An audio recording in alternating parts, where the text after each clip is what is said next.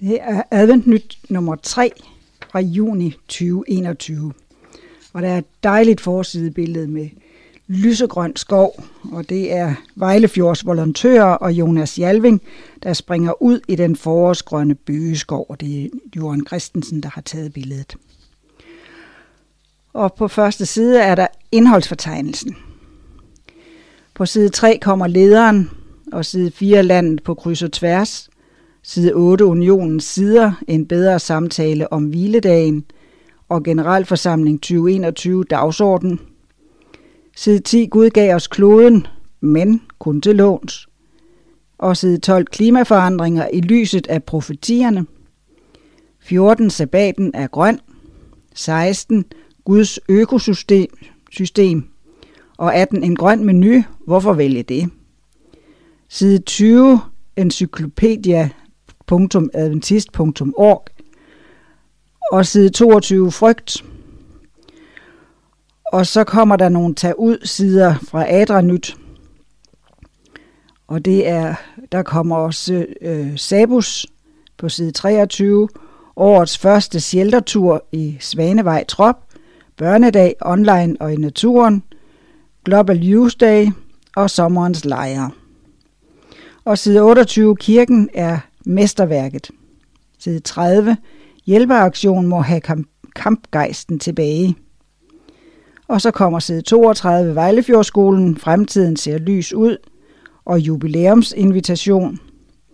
Side 34, seniorsiderne, 70 år med Gud og hans venskab, og omsorg for hinanden, og kommende arrangementer for seniorerne.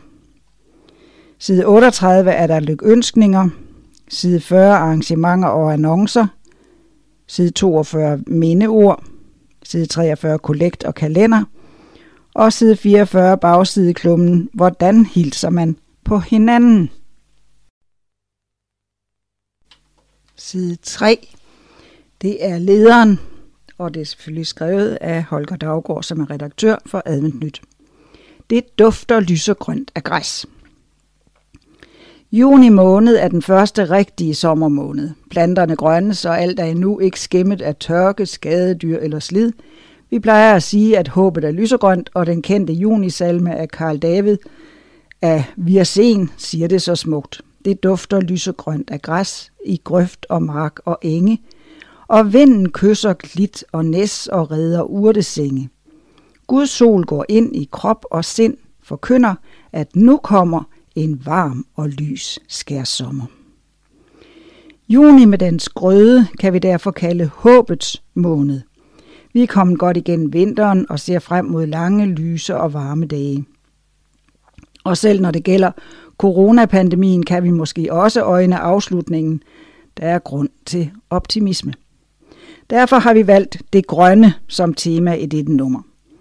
I artiklerne kommer vi omkring forskellige sider af dette tema, som dækker bredt. Vores grønne klode er den arv, Gud har givet os. Passer vi godt nok på den? Og er de forandringer i klima og natur, som vi oplever, tegn på, at vi ikke har forvaltet vores klode godt nok, og på, at de sidste tider er nært forestående. Hvad var Guds oprindelige hensigt med denne jord, og hvordan var naturen skruet sammen i begyndelsen – Bestemt ikke med død og ødelæggelse. Men hvordan skal vi forstå den nuværende natur i lyset af Guds oprindelige plan? Sabbaten er den grønne oase i slutningen af ugen. Men ser vi den som sådan? Eller skal den bare overstås, inden vi kaster os ud i en ny uges travlhed? Den grønne menu er for alvor kommet på dagsordenen i den vestlige verden, men har vi glemt den og overladt initiativet til andre? En lang række spørgsmål, som artiklerne omtaler. Der er ikke færdige svar, som vi bare kan lære udenad, men jeg håber, der er stof til eftertanke for os alle. Rigtig god sommer.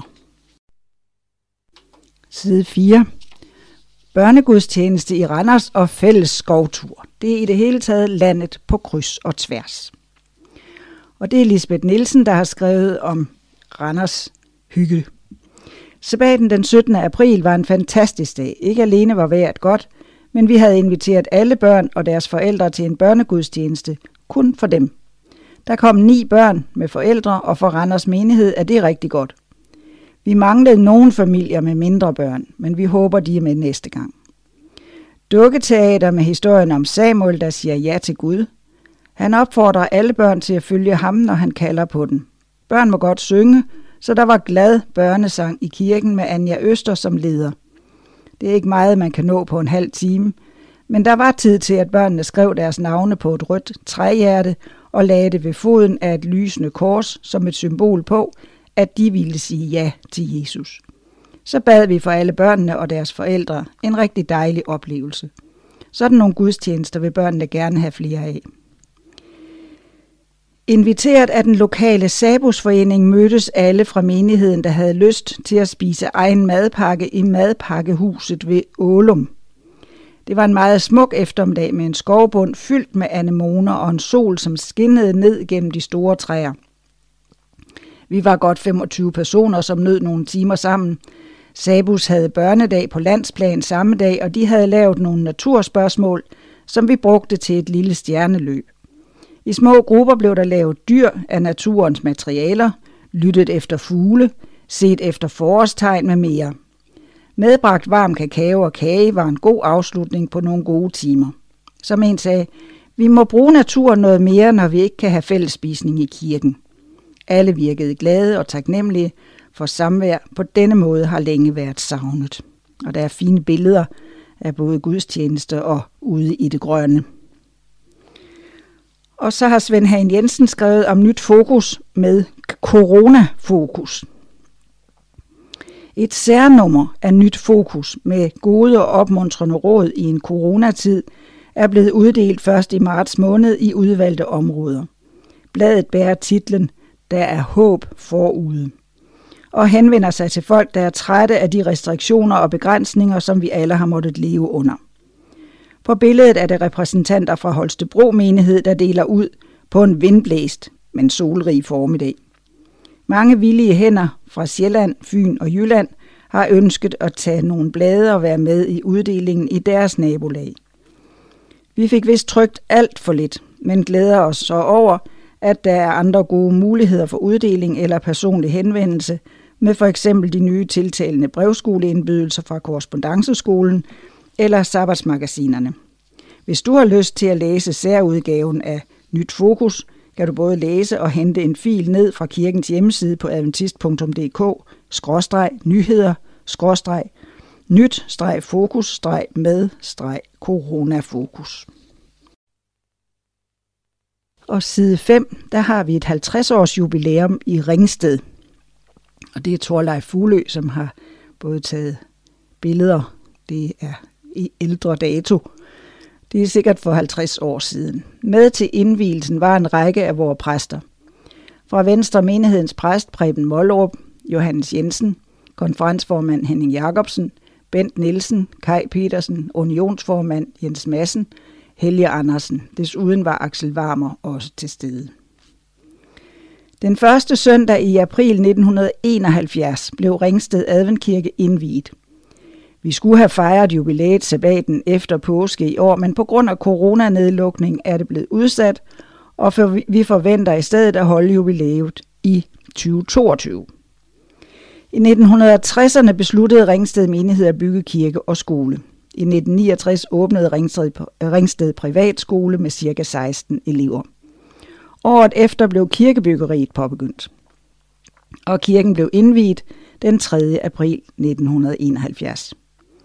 Menigheden voksede i takt med, at Notana var i vækst, og mange af medarbejderne sluttede sig til Ringsted menighed.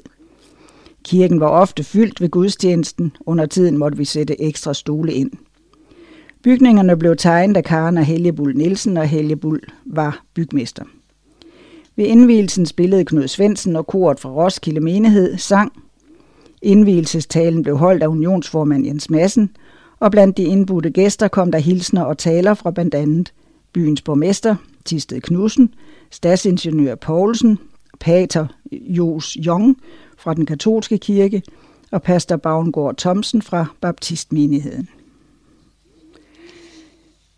Og så er der en overskrift, som måske kan undre nogen. Så kom vi alligevel til årsmøde.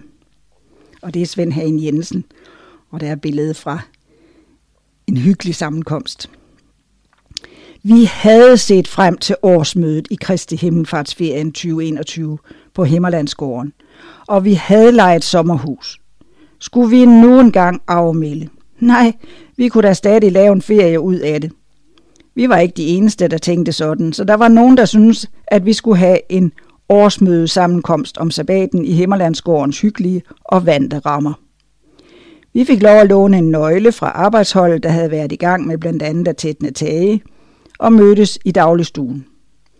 Per Nielsen var mødeleder, familien Gamborg spillede til sangene, Julian Gudmundsen ledte ud i dagens bibelstudium om Guds pagt med sit folk. Børnene havde deres eget spændende program i lokalet ved siden af under ledelse af Linda og Kim Hagen Jensen. 18 voksne og 6 børn i alt. Et mikroårsmøde. Ja, for vi savnede resten af jer til samling i det store mødetelt. Men det blev en dejlig sabbat alligevel. Vi håber, vi mødes i teltet næste år. Og så er vi nået til side 6, stadigvæk på land, landet på kryds og tværs. Og der er påske i en coronatid. Og det er Erik Jørgensen, der har skrevet det og taget billeder. Da det igen blev tilladt at samles 25 personer i udendørs organiserede arrangementer, tog vi i menigheden i Jerslev afsted på kanotur søndag den 21. marts. Undervejs var der ni poster med bibelske spørgsmål. Vi havde også fælles grill med spisning og bål.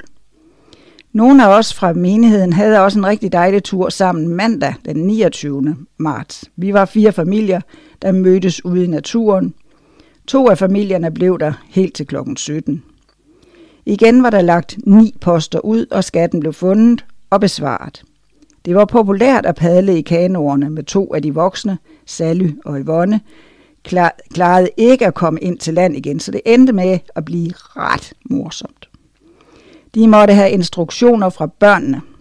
Senere omkring bålet gik snakken livligt. Vi takker Gud for, at han møder os i naturen og håber på endnu varmere vejr og snarlig gentagelse. Fællesskab og påskenadver. Det er Anne Maj Møller, som har skrevet om det, og der er også billeder. Når man ikke har mødtes fysisk til gudstjeneste i kirken i over fire måneder, så længes man efter at se og mærke fællesskabet. I Cafékirken prøvede vi at lave en påskepakke til menighedens medlemmer, som af præsten blev afleveret ved døren i ugen inden påske. Og de overraskede gensynssmil og luftkram på afstand, som vi blev modtaget med, var livgivende og bekræftende. Tænk, hvad en lille buket sovende påskeliljer, et marcipanæg, nogle magasiner og lidt aktivitetsark og opskrifter på opstandelsesboller til børnene kan gøre. I pakken var også små nadversæt, som vi skulle bruge til Sofakirkens påskesabbat. Og selvom fællesskabet foregik digitalt, så var de åndelige bånd stærke, og Gud talte til os igennem sangen, ordet og nadvånden. Jesus sagde til sine disciple, at han ikke skulle drikke af vinen, før vi gør det sammen i Guds rige. Vi har nu mærket lidt, hvor meget han må længes efter, at det sker. Vi længes efter at mødes i vores åndelige fællesskab og kunne dele måltidet sammen igen. Og jeg ved, at Jesus længes efter at kunne dele måltidet med alle sine børn. Må det ske snart. Og side 7. Påskevandring på Gendarmstien i Sønderjylland. Det er skrevet af Christine Vettne. I år var Røde Kro og Sønderborg menigheder og venner inviteret ud på en påskevandring. Det blev en dejlig tur for både store og små. Første dag sker torsdag. Vi mødtes første dag på Nybøl, Dybøl Strand med fin udsigt til Sønderborg Slot, og så gik vi lidt over 5 km til Vemming Bund Strand. På vejen stoppede vi ved et shelter for at spise og hygge os, og vi lærte to spejderknop og lavede et fint korskunstværk. Derefter holdt vi andagt med en alternativ nadver til minde om Jesus sidste måltid. Nadveren var åben for alle, som ønskede at mindes Jesu død. Anden dag, langfredag. Langfredag fortsatte vi fra Vemming Bund Strand og gik til Dønd Strand. Vores andagt den dag handlede om Jesu død og tilgivelsen fra salmen 103.12. Vi tegnede alle et lam og skrev vores synder på en sten, som derefter blev kastet ud i havet i tråd med Mika 7, 18-19. Vi øvede igen på spejderknob og lavede kors langs stien. Det blev en dejlig dag for alle børnefamilierne, som var med. Og tredje dag, påskesøndag. Påskesøndag gik vi fra Dønt Strand til Skelte Kobbel Spejderplads, og, der, og det blev en ganske kuperet og lang tur, og hvor et af børnene desværre slog benet. Men det illustrerer også vores livsvandring, som ikke altid er så let, og hvor vi har flere op- og nedture. Temaet for dagen var opstandelsen og håbet om himlen. I en af pauserne skulle børnene i grupper tegne et billede af st- på, på stranden ved hjælp af materialer, de fandt i naturen. Det blev til to fine malerier, som vi efterlod til glæde for andre. Da vi endelig kom til spejderpladsen, blev det til hygge rundt om bålet og fri leg for børnene, som benyttede anledningen til at samle ler på stranden. Turen afsluttede med blomster, som Camelia havde plukket og delte ud. Denne opstandelsesbuket blev en passende afslutning på en tur til minde om Jesu død og opstandelse. Og fine billeder fra den. Og så er der generalkonferencen udsættes til 2022. For anden gang er det på grund af pandemien besluttet at udskyde Verdenskirkens generalkonference. Medlemmer af eksekutivkomiteen fra hele verden deltog i et Zoom-møde den 12. januar 2021, hvor der var rapporter fra Verdenskirkens administration, sundhedsledere og logistikkoordinatorer og en juridisk rådgiver. Det er med et tungt hjerte, vi kommer med denne anbefaling. Det er dog en anbefaling, der kommer, fordi der ikke synes at være noget alternativ, sagde Peter Landles, leder for Verdenskirkens Health Ministries. Efter præsentationer og diskussioner blev henstillingen om at flytte datoen for generalkonferencen til juni 2022 sat under afstemning på elektronisk vis. Flytningen blev vedtaget med 185 stemmer mod 9. Generalkonferencen er således blevet udsat til den 6. til 11. juni 2022 til afholdelse i Indianapolis i USA. Side 8, det er unionens sider her. For syvende dags adventister er der ikke meget andet, der tydeligere indikerer vores kirkes DNA end sabbaten som hviledag. Når noget er så centralt, kan der være en tendens til at tage sabbaten for givet, så den blot bliver en rutine og vane. Vi kan komme til at glemme essensen og formålet med dagen. Og overskriften er en bedre samtale om hviledagen, og det er skrevet af Thomas Møller, som er formand for Adventistkirken i Danmark. For 2000 år siden var det netop tilfældet, da nogle farisæer opdagede Jesus og hans venner, der vandrede gennem en kornmark og plukkede aks. Uden at tænke over sabbatens betydning, faldt de tilbage på nogle ritualer, regler og reguleringer, som for dem indirekte indikerede en korrekt opførsel på den hellige sabbat. Denne beretning er nævnt både i Matthæus, Markus og Lukas evangeliet, og alle tre steder ender den på samme måde. Jesus er herre over hviledagen. Når vi i strategioplægget for den kommende periode taler om at have en bedre samtale om hviledagen, er det netop med den erkendelse, at det ikke er hviledagen i sig selv, men Herren over hviledagen, vi gerne vil fremhæve og vise hen til. Hviledagen rummer så mange aspekter og dimensioner om Gud, at vi skylder sabbatens herre at pakke dem ud og vise dem til mennesker omkring os. Markus understreger, at sabbaten blev til for menneskets skyld og ikke mennesket for sabbatens skyld. Hvordan gør vi hviledagen tilgængelig og nærværende for mennesker i dag? Meget ofte taler vi om hviledagen som den rigtige dag, altså lørdag og ikke søndag. Meget ofte taler vi om, hvornår hviledagen begynder, og hvad man ikke bør foretage sig på hviledagen. Meget ofte ser vi hviledagen først og fremmest som kulminationen af en endetidskonflikt, hvor helligholdelsen af hviledagen ses som en loyalitetserklæring over for Gud. Men der er flere aspekter. Jeg taler ikke imod disse elementer af hviledagen. Men jeg ønsker at udvide samtalen til at omhandle mange flere aspekter, som for eksempel velsignelsen og gaven til menneskeheden. Sabbaten indeholder ikke alene en velsignelse for individet, men en kollektiv velsignelse for hele jordkloden. 24 timer i løbet af hver uge står produktionen stille. En dag om ugen falder der ro over det galopperende rotteræs. Hver syvende dag kommer Gud til os på en særlig måde og ligestiller os, rig og fattig, høj og lav, faglært og ufaglært, mødes og kommer sammen i tilbedelsen af universets skaber. Vi lever i en tid, der i allerhøjeste grad har brug for at trække stikket, helt bogstaveligt, slukke og lukke ned og stoppe udnyttelsen af jordens ressourcer. Det er også et aspekt i helligholdelsen af hviledagen, vi ikke har berørt særlig meget, men et tema, der i den grad finder genklang hos vores venner, som endnu ikke kender Adventistkirken. En ung præst fra Perth i Australien, Marcos Torres, skrev i begyndelsen af maj sådan her på Twitter. Syvendedags adventister er en protestbevægelse imod statsmagters og kirkemagters levevis og undertrykkelsessystemer. Når vi prædiker sabbaten, er det derfor en protest mod materialisme, udnyttelsen af jordens ressourcer, mishandling af tilflyttere og nedgørelse af menneskers værdighed i enhver form.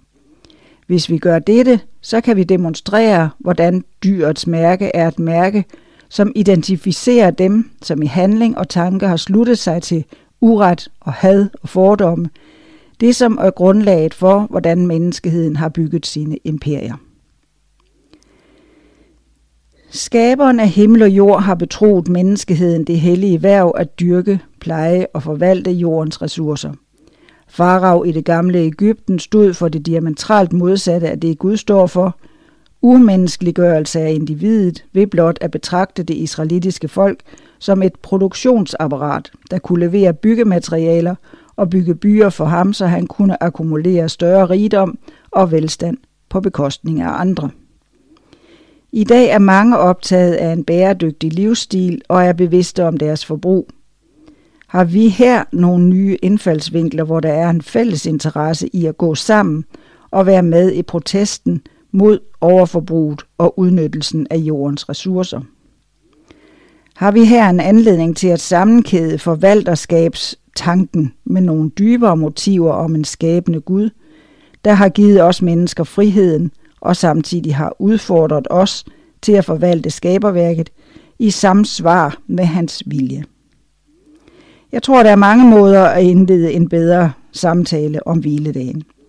Jeg tror, der er mange flere oversete aspekter, der ligeledes viser hen til sabbatens herre, og forvalterskabet og protesten mod overforbruget er blot en af mange indfaldsvinkler til en bedre samtale om hviledagen. Lad os bruge enhver anledning til at gøre hviledagen nærværende og livsnær, til at have en bedre samtale om hviledagen. Og så er der en dagsorden for Generalforsamlingen 2021. Med genåbningsudmeldingerne fra begyndelsen af maj ser det mere og mere realistisk ud med en fysisk generalforsamling for Adventistkirken den 22. og 23. juli. Vi har tidligere officielt indkaldt men har været lidt spændte på restriktionerne. Under alle omstændigheder gennemfører vi generalforsamlingen, hvor der er lige omkring 200 delegerede. Som det ser ud nu, kan vi alle mødes fysisk på Vejlefjordskolen. Generalforsamlingen bliver kun for delegerede. Familiemedlemmer til delegerede og andre medlemmer kan ikke være til stede, men kan følge møderne på livestream. Link til livestream og opdaterede nyheder om gennemførelsen af generalforsamlingen, relevante papirer med mere, kan du finde på gf2021.adventist.dk, som vi løbende holder opdateret. Og så er der dagsordenen. 1. Valg af dirigent og stemmetællere. 2. Rapporter og forslag fra embedsmænd og afdelingsledere. 3. Rapporter fra det store udvalg. A. Valg af bestyrelsesudvalg. B. Valg af forslagsudvalg. 4. Rapporter fra bestyrelsesudvalg. A. Valg af embedsmænd. B. Valg af bestyrelse og dennes ordstyre. C. Valg af vedtægtsudvalg. D. Valg af afdelingsledere så vidt muligt. E. Valg af revisor. 5. Rapporter fra forslagsudvalget. A. Diverse forslag. 6. Rapporter fra vedtægtsudvalget. A. Behandling og vedtagelse af forslag til vedtægtsændringer. B. Behandling og vedtagelse af forslag til ændring af procedureregler. Og 7. Opløsning af menigheder. A. Odder. 8. Godkendelse af strategi for den kommende periode. 9.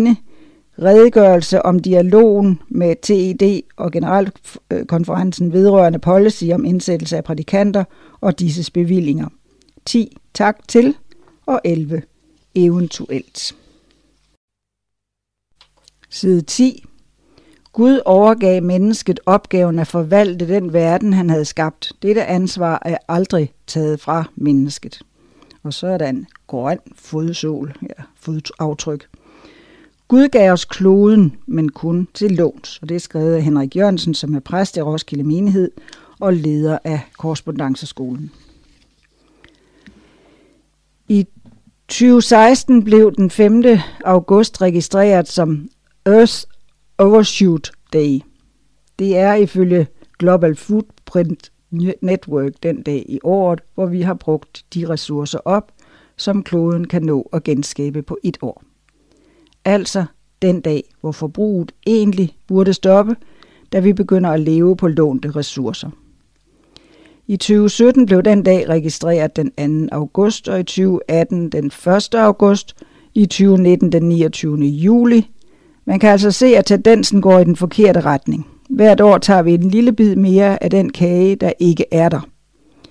På verdensplan har vi et forbrug, som kræver 1,75 jordkloder, hvis det skulle holdes i balance. Hvis alle i verden skulle leve efter danskernes forbrug, ville det kræve 3,6 jordkloder. I 2020, midt i coronapandemien, hvor forbruget faldt drastisk, faldt Earth Overshoot Day cirka tre uger senere, nemlig den 22. august.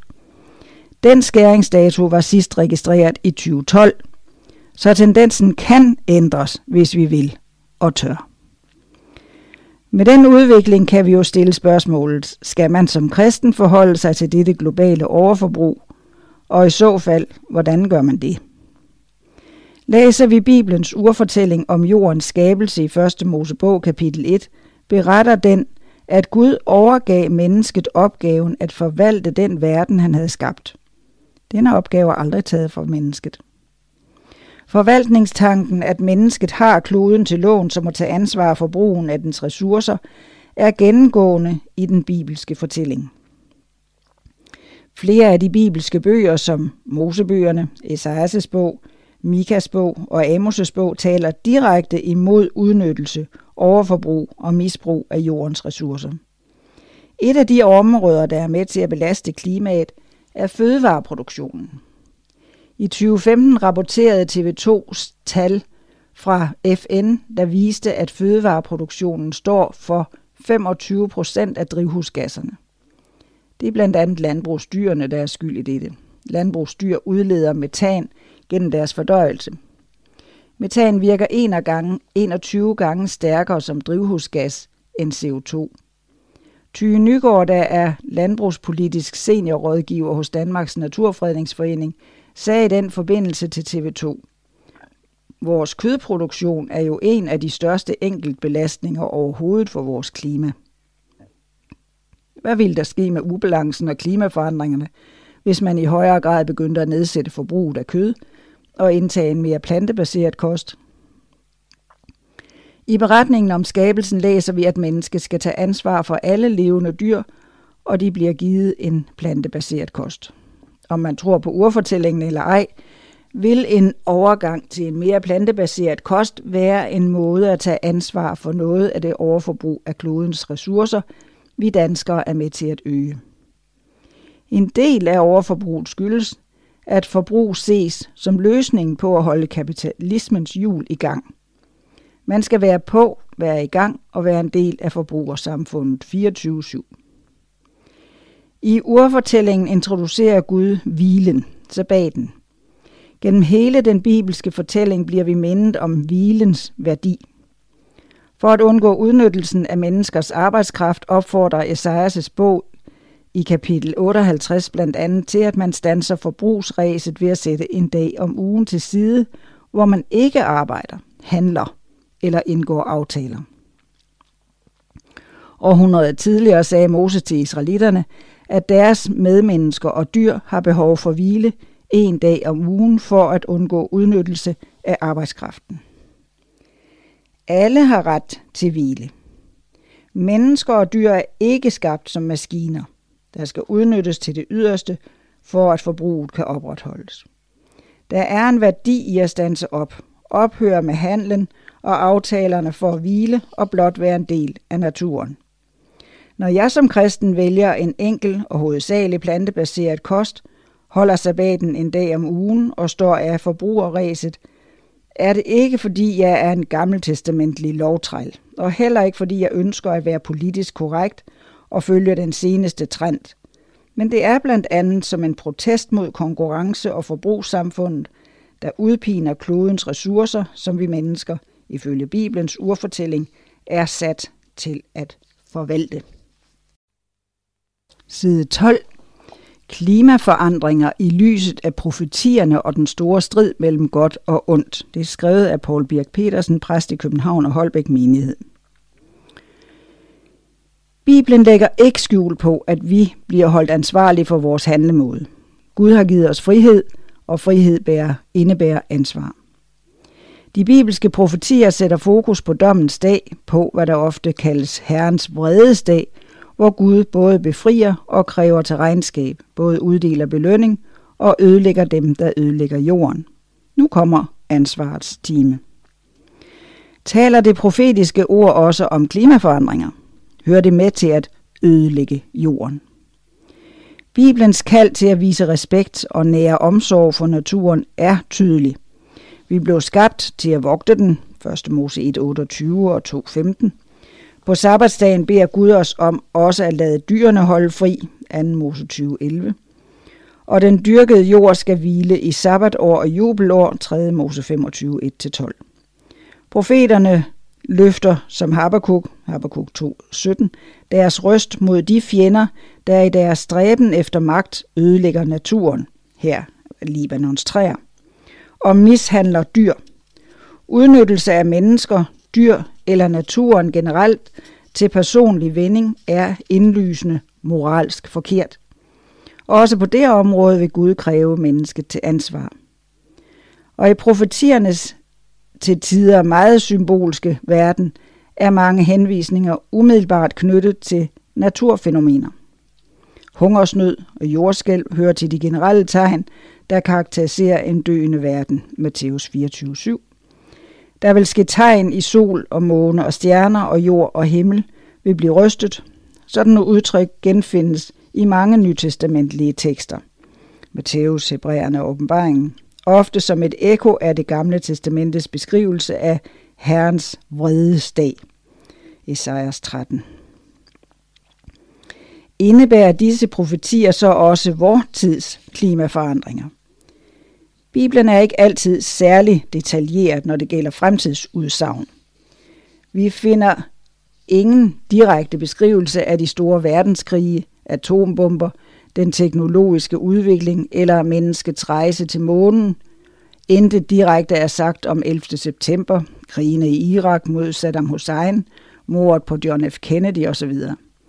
Der er intet tydeligt sagt om coronapandemien heller – og som tiden går, og vi ser tilbage på begivenheder, der synes at en, er enestående betydning, da de fandt sted, ændrer vores perspektiv sig. Kristne verden over var for ikke længe siden vældig optaget af Saddam Husseins rolle i profetien. Hvem husker ham nu? Adventister var for et par generationer siden enormt fokuseret på Tyrkiets rolle i det profetiske forløb. Hvem regner det for vigtigt i dag? Det er godt og vigtigt at være optaget af de store verdensbegivenheder. Vi lever trods alt i deres skygge. Og det er betydningsfuldt, at vores kultur efter i en periode at have været meget indadvendt og psykologisk grænskende, er bedre i stand til at se udad og være opmærksom på menneskehedens globale udfordringer. Netop den kendskærning, at vi i dag står over for en global krise, er med til at underbygge vores tro på, at vi lever i den sidste tid af jordens historie. En risiko. Men som kristne løber vi en risiko, hvor vi i vores iver over for det profetiske ord hele tiden læser de øjeblikkelige udfordringer og mediernes overskrifter ind i Bibelens beskrivelse af afslutningen på den store strid mellem godt og ondt. Det kan være, at vi ikke bare misfortolker ordet, men at vi overser det mest betydningsfulde. Guds hensigt med profetier er dybsindigt, men klart udtrykt af Jesus selv til sine disciple under påskemåltidet. Jeg siger det til jer allerede nu, inden det sker, for at I, når det er sket, skal tro, at jeg er den, jeg er. Johannes 13, 19. Formålet med profetier er ikke detaljeret kalkulation af fremtiden. Jesus giver os dem for, at vi, når profetierne er blevet opfyldt, kan se tilbage, forstå, hvor vi befinder os i kæden af historiske profetier, styrker vores tro på hans guddomsmagt og får tillid til hans ledelse, også i fremtiden. Netop derfor har vi som en menighed afvist og må stadig afvise alle kalkulationer af tidspunktet for prøvetidens ophør eller for Jesu genkomst, hvad enten det var forrige år i maj, om fem måneder eller i det mindste inden år 2027, som forskellige populære sensationsprædikanter har forkyndt inden for de seneste år.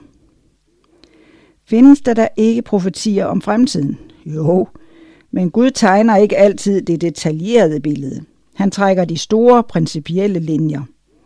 Den store strid mellem godt og ondt drejer sig jo ikke om oliekrise i Mellemøsten, 10 eller flere nationer i EU eller EF.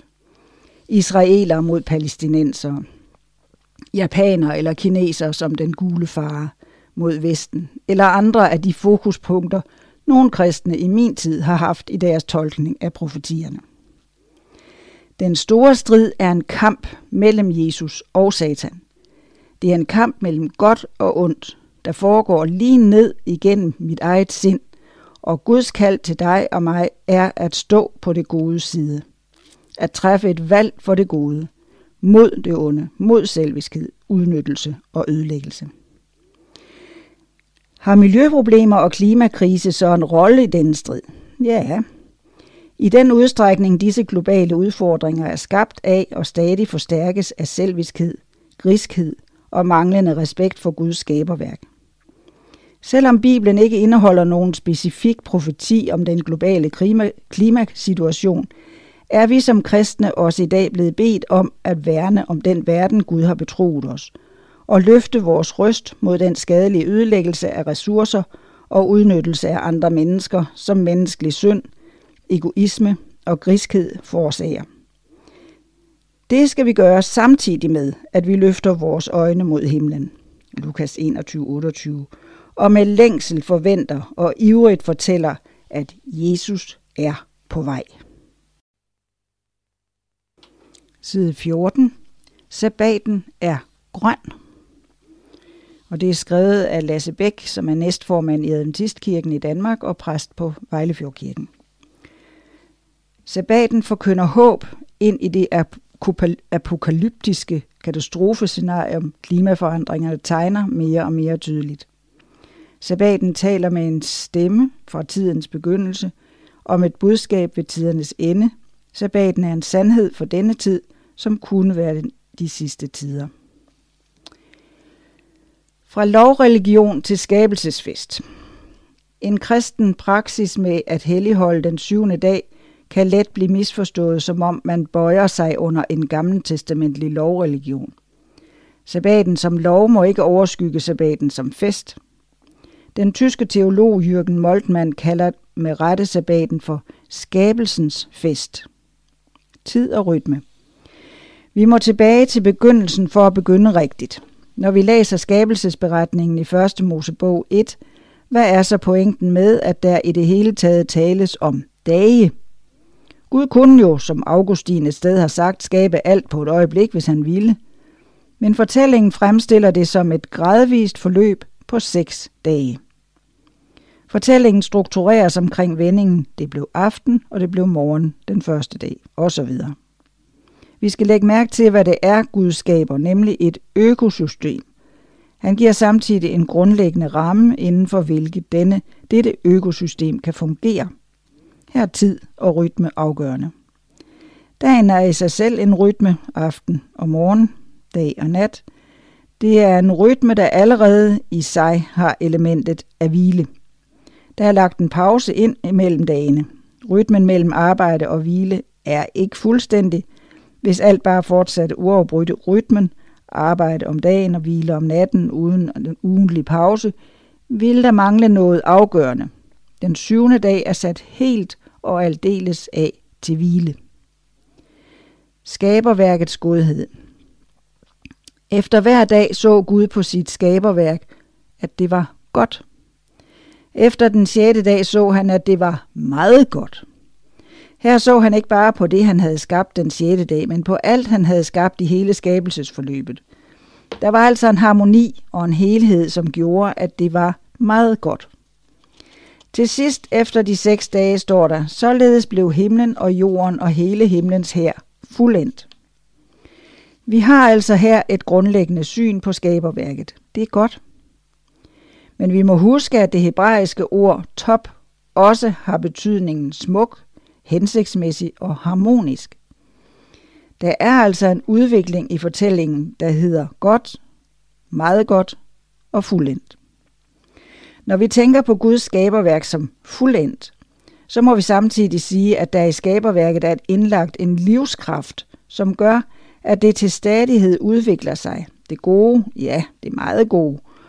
Og fuldendte skaberværk er ikke noget statisk. Tværtimod lægger Gud en frugtbarhed ind i sit skaberværk. Jorden frembragte grønt, står der. 1. Mose 1.12. Gud har skabt det sådan, at jorden frembringer liv, og det fortsætter den med. Og han har givet dyr og mennesker en evne til at blive frugtbare og talrige. Sabbaten er en fejring af denne fuldendthed, hvor livskraften i naturen er til stede og til stadighed aktiv, givet af Gud. På de seks dage møder vi den skabende Gud. På den syvende dag møder vi den hvilende Gud. Hvis ikke vi havde sabbaten, så var naturen bare noget, der uden afbrydelse eksisterede i en uendelig rytme med dag og nat, hvor frugtbarheden bare bulrede ud af, og menneskets opgave til stadighed var at være i færd med at underlægge sig jorden og høste dens frugter. Sabbaten er en pause i denne rytme. Gud går fra at være den, der skaber, til at være den, der hviler og glæder sig over skaberværket. Jørgen Moltmann skriver, Det er umuligt at forstå verden korrekt som skaberværk, uden en ordentlig forståelse af sabbaten. I sabbatstilheden griber mænd og kvinder ikke længere ind i miljøet gennem deres arbejde. De lader det være helt Guds skaberværk. Sabbatens fred er først og fremmest fred med Gud. Men denne guddommelige fred omfatter ikke kun sjælen, men også kroppen. Ikke blot for enkelt personer, men familie og folk. Ikke kun mennesker, men også dyr. Ikke levende ting alene, men også som skabelseshistorien fortæller os, hele skabelsen af himmel og jord. Det er derfor skabelses, øh, sabbatsfreden også er begyndelsen på den fred med naturen, som mange mennesker søger i dag i lyset af den stigende ødelæggelse af miljøet. Men der vil aldrig blive fred med naturen uden erfaringen og fejringen af Guds sabbat. Skabelsesberetningen har et stærkt tema om, at Gud deler ting op. Han skiller tingene ad, så de er forskellige. Der bliver en dualisme mellem modsætninger. Lyset og mørket, vandene over og under vælvingen, havet og landjorden, dag og nat, mand og kvinde, og så ikke mindst arbejdsdage og hviledage. Den syvende dag skiller sig ikke bare ud fra de seks skabelsesdage, den er klimakset på fortællingen. Menneskets opgave og identitet bliver defineret i skabelsesberetningen. Naturen skal ikke bare forstås som menneskets forrådskammer, nej, vi er forvaltere af naturen. Forvalter eller husholder kan i det græske sprog betegnes som ordet oikonomos. Læg mærke til, at ordet øjkos går igen i ordene forvalter, økonoma, økonomi, økologi. Når det er skaberværket, der skal forvaltes, bliver økonomi og økologi fuldstændig integrerede begreber. Det skæld, der sættes i teksten mellem skaberdag og sabbatsdag, bliver også et skæld i forståelsen af Guds interaktion med verden. På skaberdagene er Gud skaber. På sabbaten er han den hvilende Gud. Han er den, der er Jave. Her i ligger også hans hvilende nærvær i den skabte verden. På de seks skaberdage er Gud den, der kalder naturen til live. På sabbaten er han helt enkelt til stede med sit hellige nærvær. Derfor bliver menneskets interaktion med naturen også forskellig på arbejdsdagene og sabbaten. På arbejdsdagene skal mennesket pleje og anvende naturen. På sabbaten skal mennesket ophøre med denne indgriben i naturen og i stedet være til stede i naturen og blive mindet om den skaber. Og så er der en, øh, en, øh, noget fra Kristi Dagblad af den tidligere overrabiner Bent Melcher. Al den stress, vi har i samfundet i dag, skyldes til en vis grad, at vi aldrig slapper af. Selv når vi har fri, går vi rundt og tjekker mobilen. Men det, at man i 24 timer om ugen kobler af og koncentrerer sig om det væsentlige her i livet, at man taler med hinanden uden at besvare opkald og mails, har en stor værdi. Side 16. Det er Guds økosystem, skrevet af Holger Daggaard. Da Gud skabte verden, var den så grøn, som den aldrig har været siden. Men har du nogensinde spekuleret over, hvordan den oprindelige verden kunne eksistere uden død? Vi ved så lidt om Guds skaberværk, da verden stod ny og frisk, og Adam og Eva betragtede den. Vi kender kun den naturens uorden, der eksisterer i dag. Det var først for et halvt hundrede år siden, at vi mennesker for alvor begyndte at forstå, at naturen hænger sammen, at ingen organismer kan leve alene, men afhænger af de andre organismer. Det var dengang begrebet økologi blev til, læren om naturens store husholdning. Helt frem til 1960'erne tænkte man ikke over konsekvenserne, når man skaffede sig af med forurenende stoffer ved at hælde dem i vandløbene, eller deponerede gifttønder i jorden. At gøre dette ville være utænkeligt i dag, fordi vores viden om naturens kredsløb og organismernes indbyrdes afhængighed nu er blevet så meget større. Vi ved i dag, at hvis der opstår ubalance et sted i naturens system, forårsager det højst sandsynlige ulykker andre steder. Så vi har lært, hvor skrøbelig naturen i virkeligheden er. Men længe inden vi opdagede dette, har vi vidst, at døden er et uafravigeligt faktum i vores verden. Og det er ikke bare mennesker, der er dødelige, det er alt i naturen. Og hele naturens system, som vi kender det, hviler på død. Bakterierne lever af at nedbryde døde organismer. Planterne optager næring via rødderne, næring som stammer fra nedbrudte og døde planter og dyr. Nogle planter er endda insektædende. Planteædende dyr spiser planter, der derved nedbrydes i deres tarmsystem. Rovdyrene lever af at slå andre dyr ihjel. Hvordan kan det være, at naturen er indrettet sådan? Hvordan fungerede økosystemet i en nyskabt verden, hvor døden endnu ikke havde holdt sit indtog? Som biolog har jeg spekuleret meget over dette gennem årene, og jeg vil bestemt ikke påstå, at jeg har fundet løsningen. Men jeg vil i det følgende dele nogle tanker med jer læsere. Det oprindelige. En ateist vil naturligvis sige, at den natur, vi kender i dag, altid har været, som den er, at skabelsesberetningen er en god gammel historie, men uden rod i virkeligheden. Det er den lette løsning på det problem, jeg har skitseret ovenfor. Langt sværere er det at vælge at tro på skabelsesberetningens ordlyd og forsøge at forklare, hvordan naturens verden var bygget op ved skabelsen, og hvordan den ændrede sig sidenhen. Vi tror på, at Guds økosystem, som det blev skabt oprindeligt, bliver genskabt, når Gud genopretter alt. Dette beskriver Esajas meget konkret. Ulven skal bo hos lammet, panderen ligge sammen med kidet, Kalv og ungløve løve græsser sammen, en lille dreng vogter dem. Koen og bjørnen bliver venner, deres unger ligger sammen, og løven æder strå som oksen. Esajas 65. Vi ved også, at verden blev skabt med planter, der i økologisk sammenhæng er producenter, og dyr og mennesker, der er konsumenter.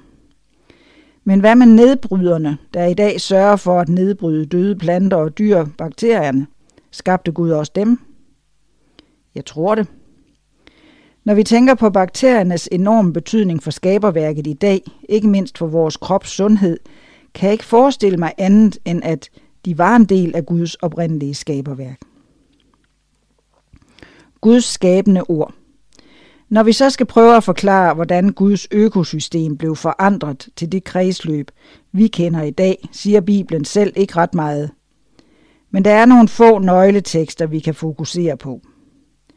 Da menneskene blev forvist fra Edens have, var konsekvenserne drastiske. Ikke bare forbandede Gud slangen, der var ansvarlig for menneskets fald, men han sagde også nogle interessante ting til Adam om naturen.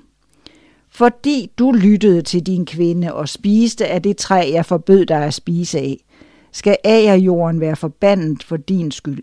Med møje skal du skaffe dig føden alle dine dage. Tjørt og tissel skal jorden lade spire frem til dig, og du skal leve af markens planter. 1. Mose 3, 17 og 18.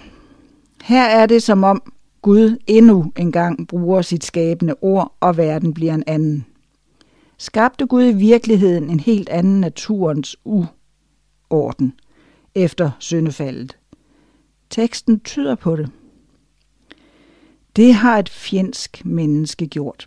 En anden tekst, som måske kan hjælpe os, er Jesu lignelse om ukrudtet blandt viden. Jesus fortæller, at en mand såede en hvedemark til. Da den voksede op, viste det sig, at der også var sået ukrudt i marken, og da bundens folk spurgte ham, hvordan det kunne være, svarede han dem. Det har en fjende gjort, Matthæus 13, 28. Det er klart, at Jesu ærne her ikke er at forklare, hvordan verdens økosystemer kom til at hvile på død. Hans ærne er et helt andet, nemlig at illustrere, hvordan troende og ikke troende mennesker skal leve sammen på vores klode lige indtil han kommer igen. Men alligevel fortæller historien os også noget om den store strid mellem godt og ondt, mellem skaberen Kristus og den gamle slange, som er djævlen og satan, åbenbaring 22. Og denne strid har bredt sig fra Guds himmel og helt ned til jordens fjerneste afkroge. Jeg tror ikke, at Satan kan skabe. Det er kun Gud, der er i stand til det. Men han kan modificere og ændre lige så vel som vi mennesker i stadig højere grad er blevet i stand til det. Den nye verden. Det er svært at forestille sig noget, man aldrig har oplevet. På mange måder er vi mennesker begrænset af det, vi kender til. Man kan vælge at nøjes med at forholde sig til det, vores sanser i dag kan opfatte, det vil sige nutidens videnskabelige tilgang, eller man kan forholde sig åben for mere end det. Selvom vi har svært ved at forestille os et guddommeligt økosystem, der ikke hviler på død, så kan vi vælge at tro, at den almægtige Gud sagtens kan skabe et sådan.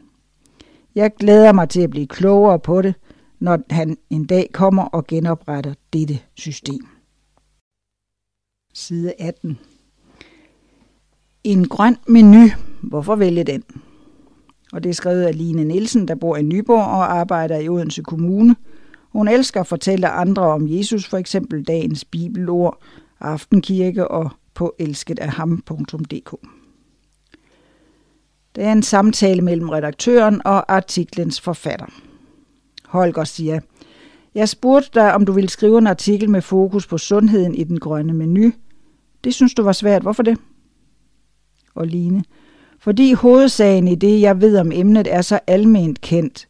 Havde jeg haft en fagfaglig indsigt, jeg kunne øse af, så havde jeg sikkert gerne ville dele det. Holger, men du skrev alligevel. Line, ja, jeg kunne mærke, at mange perspektiver omkring det emne betyder noget for mig. Så jeg tænkte, at jeg måtte skrive for at se, hvad det var. Holger, hvad er så det vigtigste for dig at kommunikere med denne artikel? Line, det er at lægge op til refleksion. Og så er det selve artiklen Kærlighed. Jeg har en kogebog, som hedder Det kærlige køkken. Den handler om kærlighed til planeten. Forfatteren tager os gennem CO2-udslip ved forskellige animalske produkter sammenlignet med de grønne. Forskellen er stor. Hvis nok også, når man indregner flyrejser for eksotiske grøntsager fra den anden ende af jorden, som for eksempel vores almindelige banan. Mindre kærligt har jeg nogle gange oplevet meningsudvekslinger om kost og sundhed og muligvis også om overgivelse til Gud, hvor nogle vegetarer har strålet i Daniels styrke, mens nogle ikke-vegetarer minder om Jesu mirakel med fiskene eller indtagelse af påskelammet. Siden jeg oplevede de første diskussioner af den slags, har jeg lært flere nye ord, som for eksempel veganere, plantebaseret kost og flexitarer. I tvivl? Spørgsmålstegn. Så hvordan griber man i grunden en artikel i Advent Nyt an, som skal handle om sundheden, forbundet med at spise grønt? Er der da nogen af jer derude, som er i tvivl om, at grønt er sundt? Har I mon ikke hørt om bare nogen af disse ting? Profetinden Ellen White, som Gud viste, at kosten har stor betydning for vores sundhed, fysisk og mentalt, før man generelt var opmærksom på det. Sundhedsartikler og eller foredrag, som på videnskabelig grund bekræfter det, som Ellen White fortalte os for længe siden. Danske kampagner om sex om dagen eller nøglehulsmærker – eller hvad med mængden af forskellige mærker af soja, havre eller mandeldrik, efterhånden som priser, der kan, til priser, der kan konkurrere med Arla. En ung mand, jeg kender, har fundet sig en kæreste i København. Hun er vegetar, og han siger, at mindst halvdelen af alle unge piger i København er enten vegetarer eller veganere. En helt uvidenskabelig betragtning. Den grønne sundhedsbølge er over os, troende som ikke troende. Og nogen tror, at de næsten kan blive frelst ved at være sunde. Ja, måske eksisterer det også blandt både troende og ikke-troende. Og det kan så lede til en hel række andre udsagn. At man frelses af tro alene. Et berømt Paulus-citat.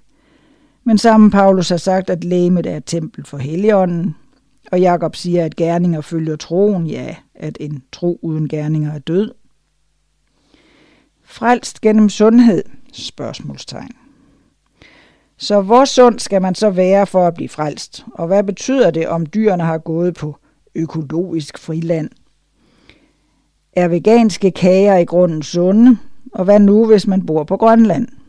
Ja, selvfølgelig er det da godt at spise sundt, det ved vi alle sammen.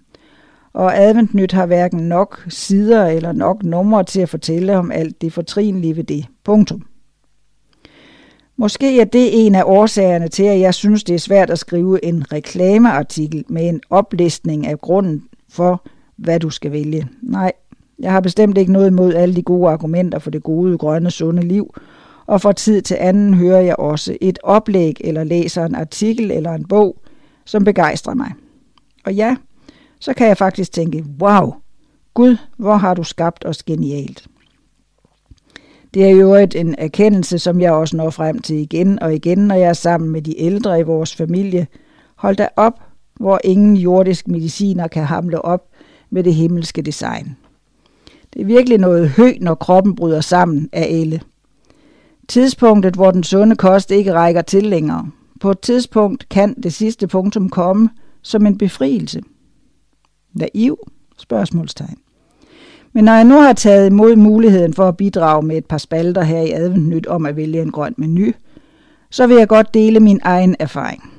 Og jeg har lært, at erfaringer kan man ikke modsige, for min erfaring er jo min. Jeg vil gerne advare dig på forhånd, min erfaring er virkelig naiv. Eller rettere, den grunder sig på en beslutning, jeg tog, da jeg var 12 år gammel. Med den modenhed, jeg nu havde på det tidspunkt, men også ud fra et barns enkelhed. Da jeg var 12, var jeg næsten teenager.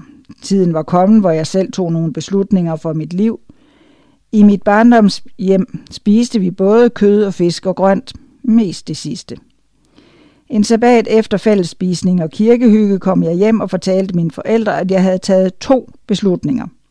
Jeg ville døbes, og jeg ville være vegetar og de støttede mig med glæde i begge dele. Oh, det var stort. Jeg var mega glad. Jeg elskede Jesus, og jeg elskede hans bog, Bibelen.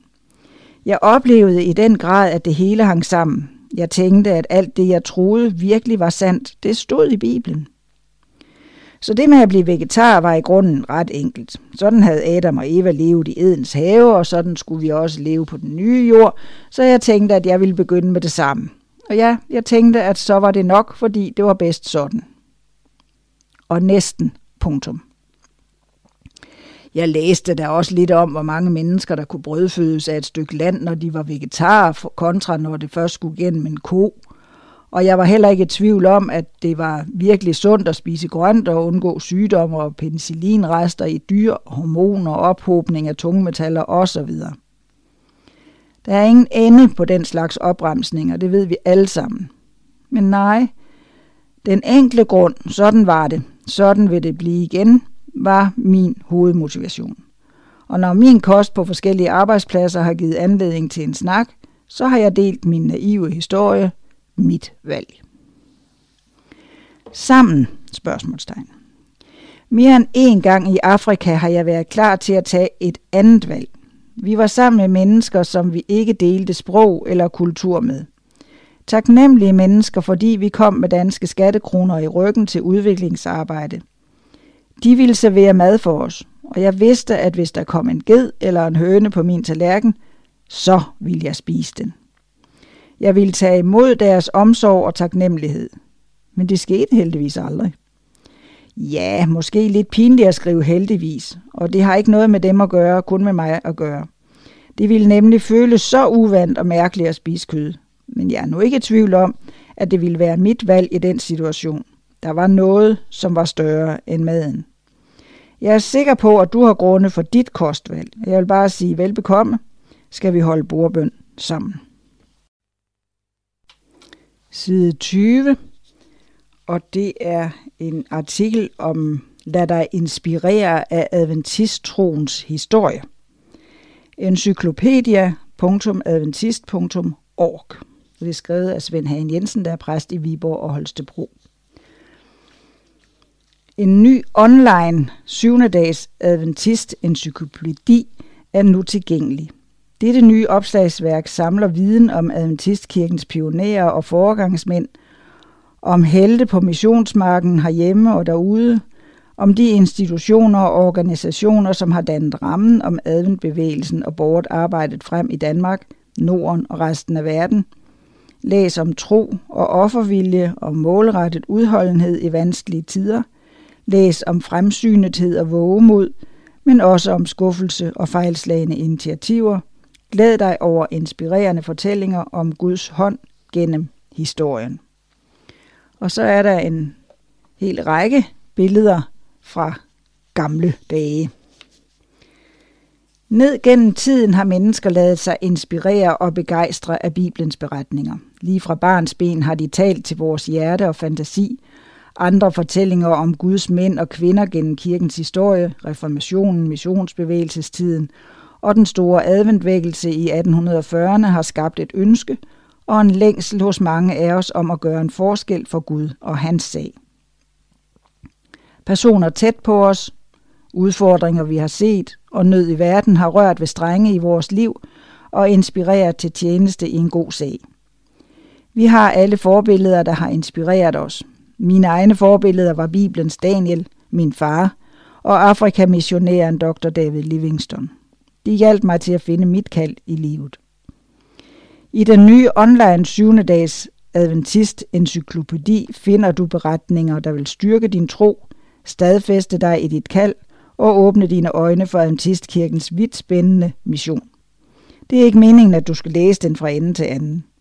Men du kan lede efter institutioner og personer, du gerne vil vide lidt mere om, ikke mindst med relation til vores kirke i Danmark.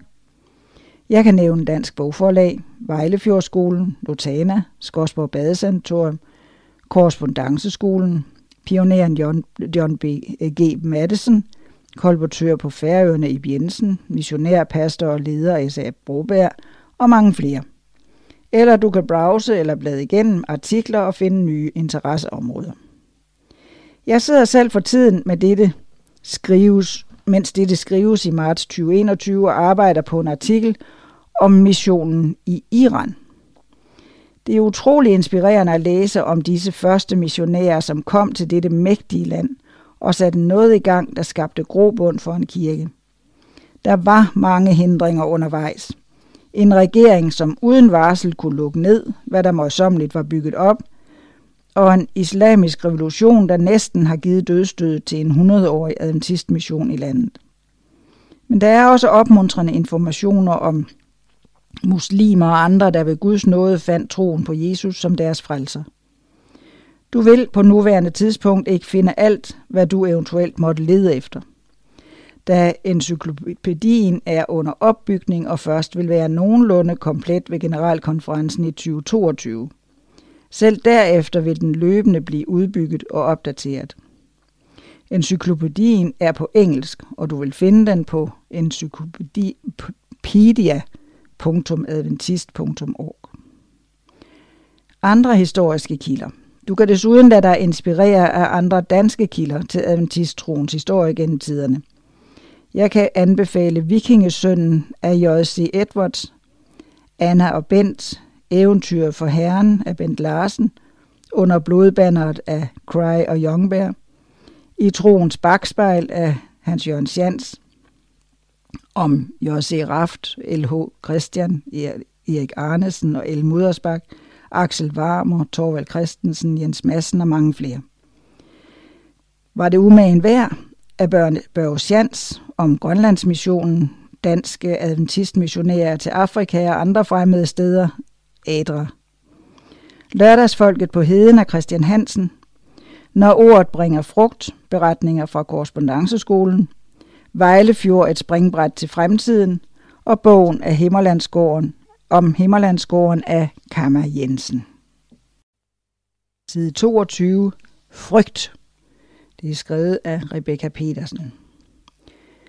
Følelsen af frygt trænger sig på. Hvordan skal jeg kunne klare dagens udfordringer? Køre i ring i mit hoved. Hvordan kan jeg klare det alene? Efter en nat med drømme vågner jeg med et, et op til en ny dag. Et par sekunder ligger jeg der for at fornemme, at en ny dag er ved at snige sig ind på mig. Tanken om, at jeg også denne dag er meget alene med dagens gøremål, får mig til at vurdere, om jeg skal fortsætte min drømmetilværelse. Men det er nok en dårlig undskyldning, så jeg skynder mig op af sengen og går i gang med dagens efterhånden forudsigelige rutiner. Jeg ved, at man siger en dag ad gangen, og Jesu ord om ikke at bekymre sig om morgendagen, for hver dag har nok i sin plage, har jeg læst mange gange.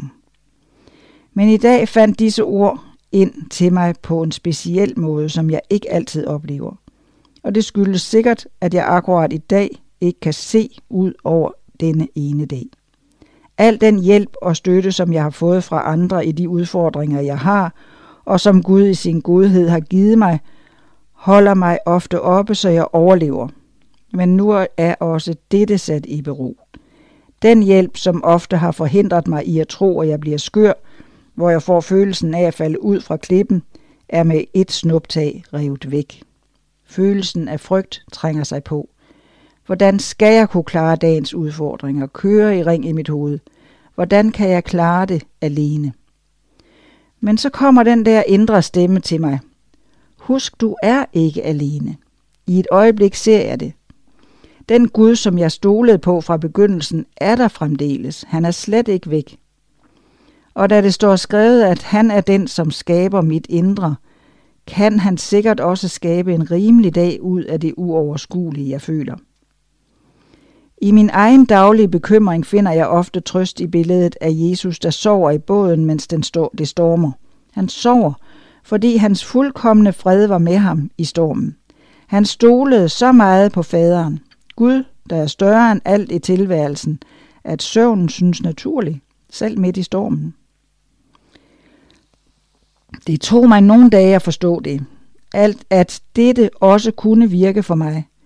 Selvom jeg kan vågne op i frygt for, hvad dagen vil bringe af uforudsete små katastrofer, så ved jeg, at jeg kan stole helt på, at Gud ser min tilværelse.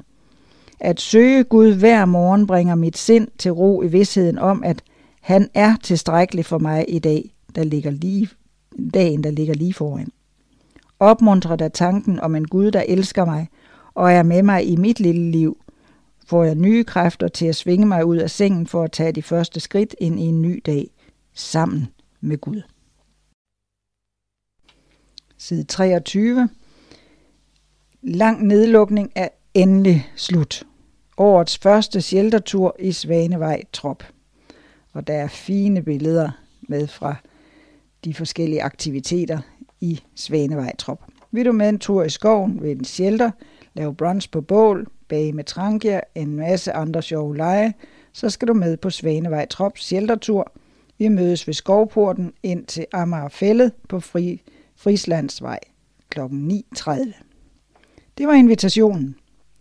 25 glade tumlinge, spejdere, forældre og fører gik samlet ned til shelteren.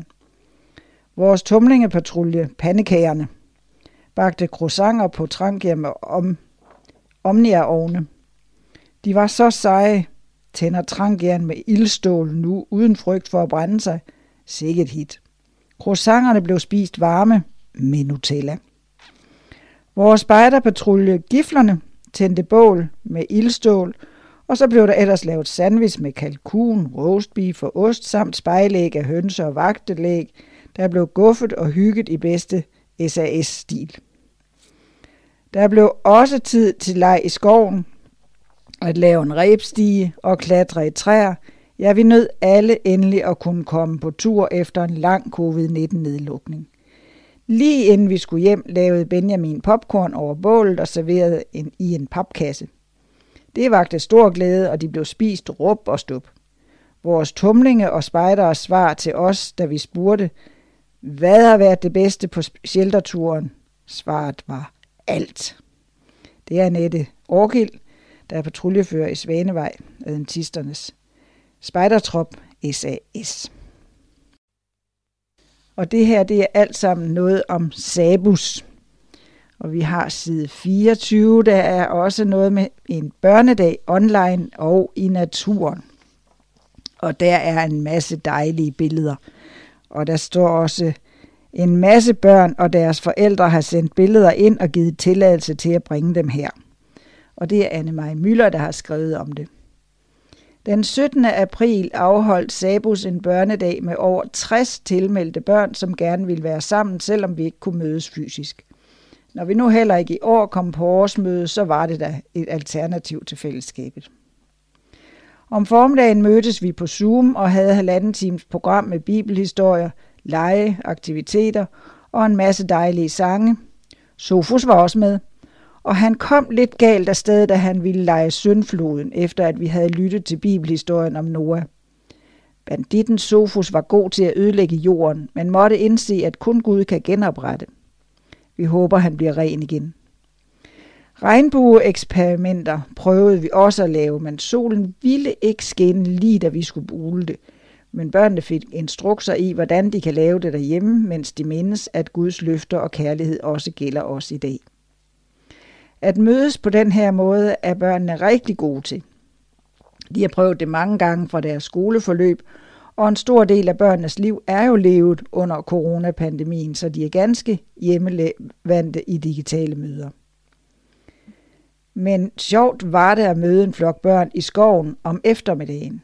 De gik pludselig helt i stå, fordi de så os i levende live uden for skærmen. Alle deltagere havde fået tildelt seks poster til en naturterræntur. Blandt andet skulle de finde forårstegn, lave dyr af naturmaterialer og tage billeder og sende ind til os. Se de flotte billeder på Sabus' Facebook-side. Det var dejligt at se, hvordan flere lokalforeninger valgte at bruge muligheden for at lave udendørs arrangementer for deres børn om eftermiddagen. Godt gået af Randers, Vejle, Vejlefjord, Nærum og Cafékirken. Eftermiddagen bød på endnu mere online fællesskab, sang med børnedagsbandet øh, og sjove konkurrencer, der fortsatte over temaet, at Gud viser sin kærlighed til os gennem naturen. Mulvarpen Mulvad kom forbi og var meget interesseret i de regnorme, som var gemt. Børnene kommer til at møde Mulvad igen på børnelejren til sommer. Info og tilmelding er åben på sabus.dk. Vi sluttede dagen af med at synge velsignelsen sammen og takke Gud for, at han viser sin kærlighed til os på mange måder, også gennem naturen. Tak til alle de frivillige, der lagde et meget stort og intensivt arbejde i at få dagen til at fungere, så vi nåede ud til så mange børn på én gang. Må de altid vide sig elsket, og må Gud for altid være deres bedste ven. Og så har vi mere Sabus Global Youth Day lovsang på livestream. Og det er Rasmus Hauer, der går i 3.G på Morsø Gymnasium og interesserer sig for mission, blandt andet gennem mediearbejdet, der har skrevet om det. Og der er også fine billeder af alt det, som, og en masse med, med musik og andre ting. Den 20. marts var det Global Youth Day, en dag, hvor unge adventister verden over i fællesskab spreder glæden ved Guds ord på forskellige måder. Grundet de mange coronarestriktioner, som var gældende på dagen, måtte vi tænke kreativt for at finde nye måder at gennemføre dagen på. Løsningen blev en virtuel lovsangs eftermiddag på intet mindre end to timer. Lovsangsbandet bestående af Mikkel og Jonas Jalving, Lukas Fischer, Simon Neid og Røven van der Broek samledes i Aalborg Adventistkirke, hvorfra lovsangen blev livestreamet til Sabus Facebook-side. Først blev der spillet nogle forhåndsplanlagte sange, hvorefter de, der så med, fik mulighed for at ønske sange i kommentarfeltet. Efter en kort tale af Dorte Svendsen spillede bandet ønskede sange, indtil programmet sluttede kl. 16.30. På trods af, at vi ikke kunne samles i de små fællesskaber og gå ud og gøre ting, som vi plejer på Global Youth Day, var den 20. marts alligevel en dag fyldt med forkyndelse, glæde, smil og fællesskab. Dagen var således et fantastisk eksempel på, hvordan kirken er nødt til, og her formåede, at tilpasse sig verden omkring sig, for at holde sig aktuel og i stand til at kommunikere Guds ord til omverdenen på trods af svære omstændigheder. Vi har mere sabus. Der er nemlig reklamer her. Spejderlejr Wild West. Himmerlandsgården den 25. juli til 1. august 2021. Frivillige efterlyses. Vi ved godt, at det er meget lettere at sige ja, hvis man først er blevet spurgt. Men vi ved simpelthen ikke, hvem vi skal spørge, så vi har brug for, at du melder dig. Det er tre år siden, at vi sidst var på spejderlejr på Himmerlandsgården. Og måske har du glemt, hvor fedt det er at være på spejderlejr. Vi skal bruge frivillige til aktiviteter, teknisk stab, underholdning og meget mere. Måske kan du bidrage med noget, vi ikke havde tænkt på. Kontakt spejderchef David Henriksen på davidsnabelag.adventistspejder.dk eller telefon 2611 40 26 så finder vi ud af, hvor du bedst kan hjælpe. Og så er der noget med børnelejren. Tag med Mulvad rundt i Norden. Børnelejr den 27. juni til 4. juli. Se mere og tilmeld dig på sabus.dk. Og så er der Impact i Jules Minde den 18. til 23. juli. Bibelstudier, mission og hygge taler Dan Milars Tilmelding og yderligere information adventist.dk-impact. Mere Sabus. Teen Camps store comeback den 11. til 18. juli på Himmerlandsgården. Ærgerlige omstændigheder i sommeren 2020 satte en stopper for Sabus' fysiske teen camp på Himmerlandsgården. Online alternativ blev fremragende, alt taget i betragtning, men denne sommers fysiske teencap bliver det helt store comeback. 30-35 af kirkens unge fra hele landet har de sidste mange måneder planlagt og skræddersyet et teencamp-program, spækket med aktiviteter og udfordringer, musik, samvær og åndelig udfoldelse. Temaet for årets teencamp er forskellighed. Vi møder konstant mennesker, der er anderledes end os selv i udseende, baggrund, opvækst eller personlighed. På Teen Camp kommer vi til at udforske en Gud, der kan rumme os alle på trods af vores forskelligheder. Gud har skabt os alle helt unikt og forskelligt. Et fantastisk bevis på, hvor stor hans kærlighed er, og hvor stor hans skaberværk er. Igennem lovsang, læsning og åndeligt samvær ønsker vi på en relevant og fagnende måde at lade vores deltagere opleve denne kærlighed. Vi glæder os helt vildt til at se vores teenager igen, og vi kan ikke vente med at komme i gang med dette års teencamp.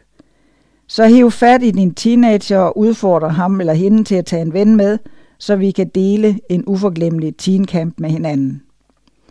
Teenkampen starter nemlig hjemme i din indkørsel.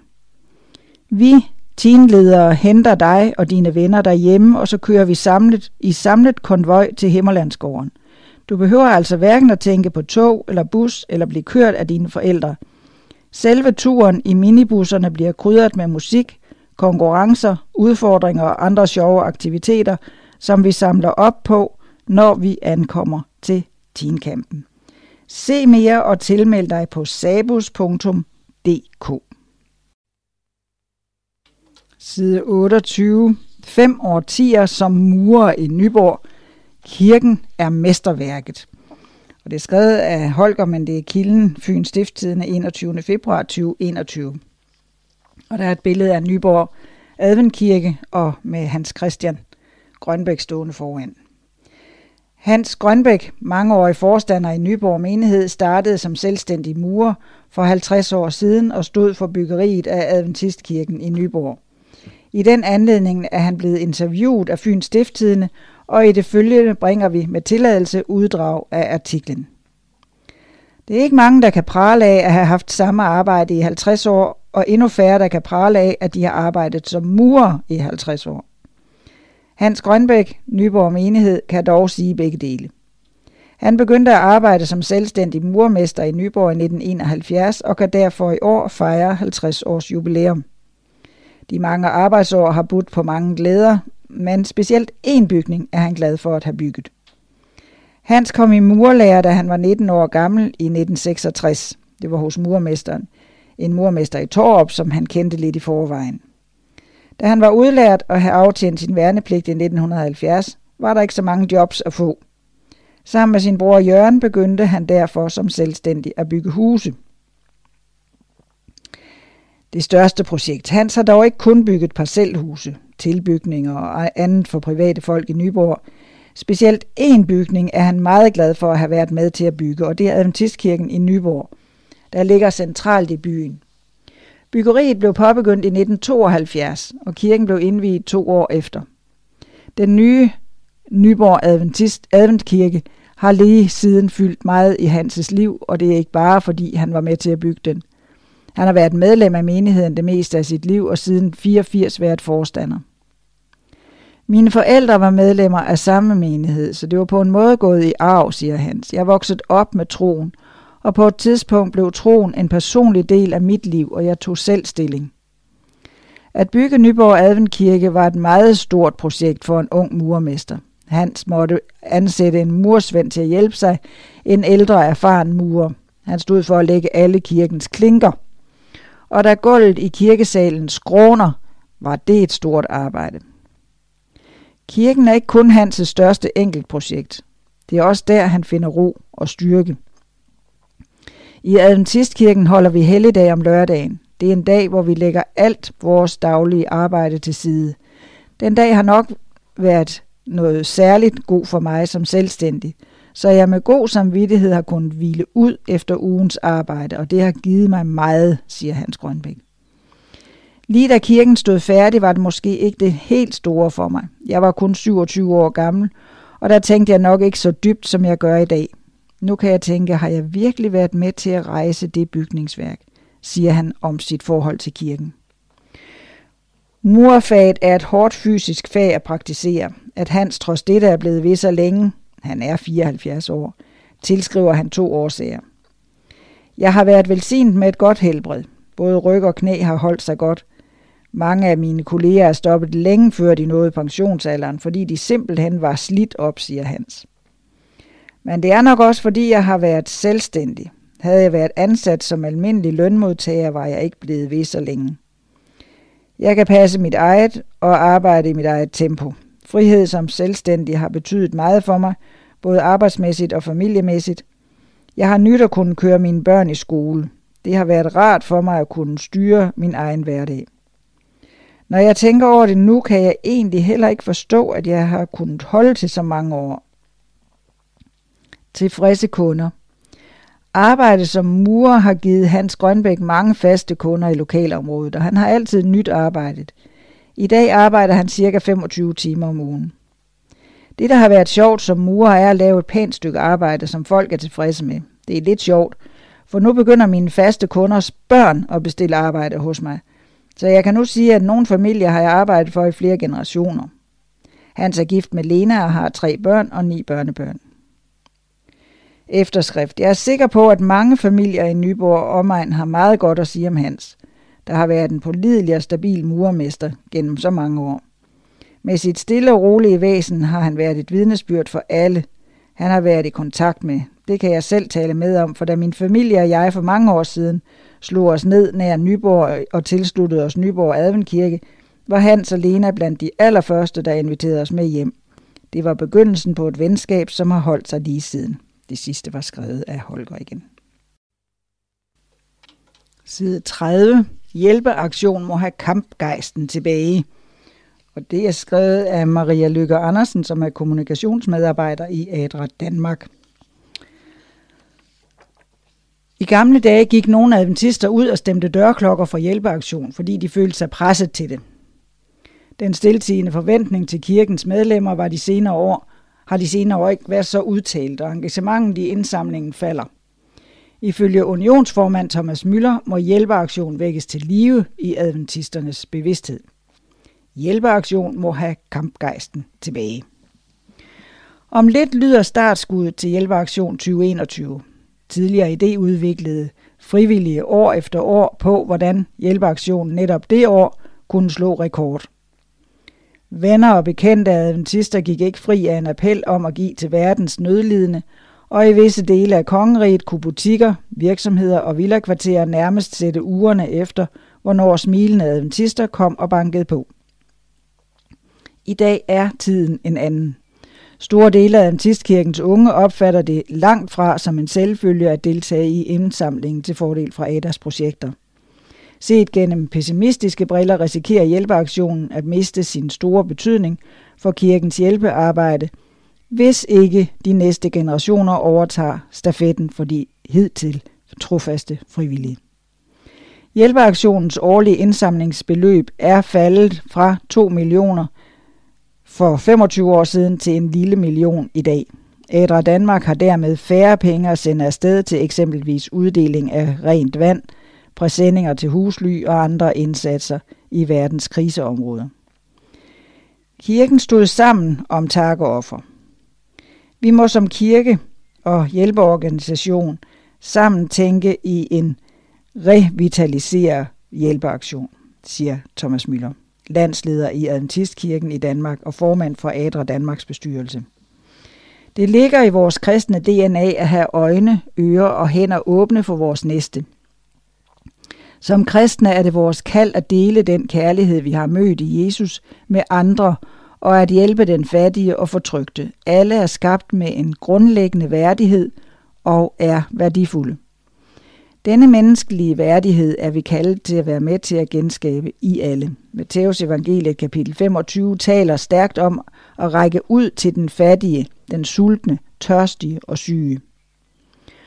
Oprindeligt hed hjælpeaktion høst indsamlingen.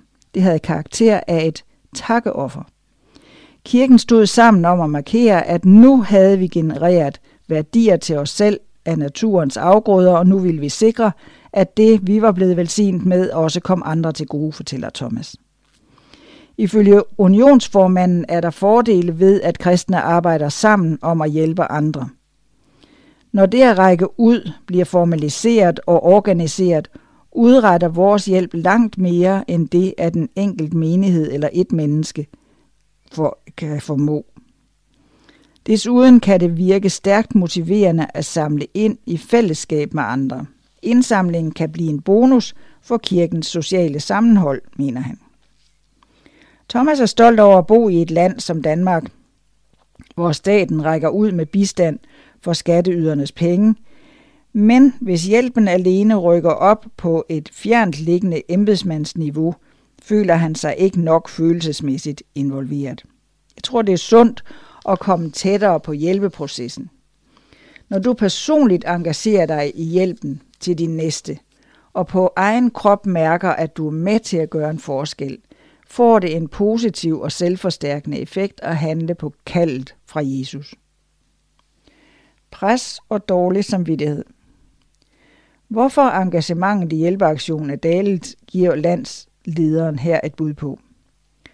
For omkring 40-50 år siden var der i Adventistkirken, såvel som i andre kristne krise, et større element af social kontrol. Selvfølgelig skulle du som adventist ud og banke på døre for de fattige. Nogen gjorde det nok mere af dårlig samvittighed end af glæde. Vi var mere autoritetstro dengang og havde måske derfor svære ved at sige fra, selvom det at gå ud og bede fremmede om penge kan være enormt grænseoverskridende. Når du tilhørte et miljø, forventedes det, at du deltog i aktiviteterne inden for dette. Ifølge Thomas skal dalende pligtfølelse ses som en generel samfundstendens, ligeledes er denne skældning mellem os og de andre svingende, svindende i mange kristne kredse. Han kender i dag adventister, der også samler ind for Røde Kors og Folkekirkens nødhjælp. Det er glædeligt, at tolerancen over for andre vokser. Konsekvensen er bare, at loyaliteten over for Adras hjælpearbejde daler, og den kæmper Adra for at vende tilbage. Det er tid til at tænke på alternative indsamlingsmuligheder og at få yngre generationer til at føle ejerskab. Kirken og Adra må idéudvikle i fællesskab. Så et par ord med på vejen. I 2019 var jeg i Uganda og Malawi sammen med Adra. Jeg oplevede organisationens arbejde med egne øjne og blev dybt berørt af at tale med modtagerne af hjælpen og erfare, at Adras arbejde virkelig nyttede. Men med bare få midler og på trods af egen begrænset faglig viden, kan du og jeg være med til at gøre denne forskel i deres liv, må Herren velsigne hjælpeaktionen i åren fremover. Der står i augustnummeret, øh, Adventnyts augustnummer modtager læserne et idékatalog over forskellige alternative måder at samle ind på til hjælpeaktion. Med midler fra hjælpeaktionen var Adra Danmark 2020 i stand til at støtte indsatser som uddeling af hygiejnepakker og mad til orkanoffer i Honduras. Side 32. Fremtiden ser lys ud. Det er om Vejlefjordskolen. Og der er fine billeder af nogle af de ting, som vi kommer til at høre lidt om. Fra oasen og fra shelter og mange andre ting. Man kan roligt sige, at Vejlefjordskolen har været igennem nogle svære år. Coronakrisen har ikke ligefrem været befordrende for en efterskole og et kostgymnasium. Vi har måttet aflyse mange af de aktiviteter, som eleverne ellers ser frem til. USA-tur, skidtur, fodboldstævner, fester, hygge på tværs af klasser. Men nu ser vi fremad. Kanylerne er skrækkeligt velkomne med deres forløsende dråber. Det er Kai Flinker, der skriver, at han er rektor på Vejlefjordskolen, og Holger Daggaard har taget billeder. Fuldt hus igen. Vi tror på, at Vejlefjord med 2021 er inde i den sidste af fire horrible år, når det gælder skolens økonomi. Skolen var heldigvis fornuftigt polstret, så derfor klarer vi lige præcis skærende selv om millionstore underskud på grund af tidligere regeringers sparepolitik og manglende elever, især i kostafdelingen. Men alt ser meget lysere ud nu. Pia Fischer melder om totalt udsolgt i kostafdelingen. Holger Daggaard, der tager en tørn som viserektor et par år, hejser flaget og siger fuldt hus i gymnasiet igen. Det kan ikke være meget bedre. Unge fik alligevel smag for Vejlefjord. Men selvom formuen er tabt, er pengene jo ikke spildt. For mange unge, både fra kirkens bagland og i øvrigt fra hele Danmark, har selv i kriseårene fået en god uddannelse, har smagt Vejlefjords uforlignelige fællesskab, oplevet landets skønneste natur, mødt en kirke med mange spændende aktiviteter og er nu parat til livets udfordringer. Men vi kan lige så godt sige det, som det er. For et par år siden vidste vi ikke, om vi ville klare skærene. Men Vejlefjord gav ikke op, og da det så sortest ud. Vi gjorde hovedsageligt tre ting. Vi satte os for at skabe bedre eller nye faciliteter, fylde dem ud med aktiviteter og undervisning og fortælle om det. Vi har investeret i gode faciliteter og spændende undervisning. Her er det, vi har fået. Et smukt, nyrenoveret fællesrum, Oasen, med udsigt til fjorden. Udstyr til fantastiske outdoor-aktiviteter. Ny motorbåd, mobil sauna, to sejlbåde, tre shelters, og vi har planer om at gennemrenovere vores badebro. I fitness har vi fået vildt mange rigtig gode maskiner og er i gang med en flot klatrevæg. Og lige nu bider vi negle i spænding, fordi vi håber på fredningsnævnets godkendelse af en ny, flot kunstgræsbane, som vil katapultere os op i en helt anden liga. Lige nu gennemrenoverer vi også pigebygningens øverste etage. Her stod de samme skabe, som da huset blev bygget i 50'erne. Alt bliver nu nyt. Vinduer, døre, vægge, lofte, gulve, el og inventar. Det har vi trængt til længe. Men nu bliver det fint. Det skal også stå færdigt her før sommerferien. Og sidst har vi lavet et fantastisk spændende nyt makerspace, som er et teknologisk værksted med 3D-printer, lasercutter, bredformatprinter, printer, folieskærer, fotoudstyr og andre spændende ting. Vi sejler med fuld kraft. Vi bruger i øjeblikket rigtig mange penge, fordi vi er nødt til at investere os ud af krisen. Samtidig fortæller vi vidt og bredt om det, vi har gang i. Vi har lægget vandret for at lave film i hovedtal, brosyrer, hjemmeside, annoncer, taget på messer, og den samlede indsats giver på det. Vejlefjord sejler igen med rebede sejl, og det er en skøn gammel skude på nu 90 år, som har tænkt sig at overgå prins Philip langt. Værdier, der holder. Men alt det her har et eneste formål. Vi vil gerne lave skole, der gør børn og unge både dygtige og glade. Vi elsker deres smil og deres latter på legepladsen. Vi elsker deres jubel på fodboldbanen og deres optræden til skolefesten. Vi elsker deres glæde, når de kaster studenterhuen højt op mod den blå himmel. Og så ønsker vi at forberede dem på det gode liv, det liv, der giver mening. Hjælpe dem til at blive dygtige til fagene, have mod på livet, blive livsduelige, som vi også siger. Og under det hele skal de opdage og lære at praktisere stærke og sunde værdier.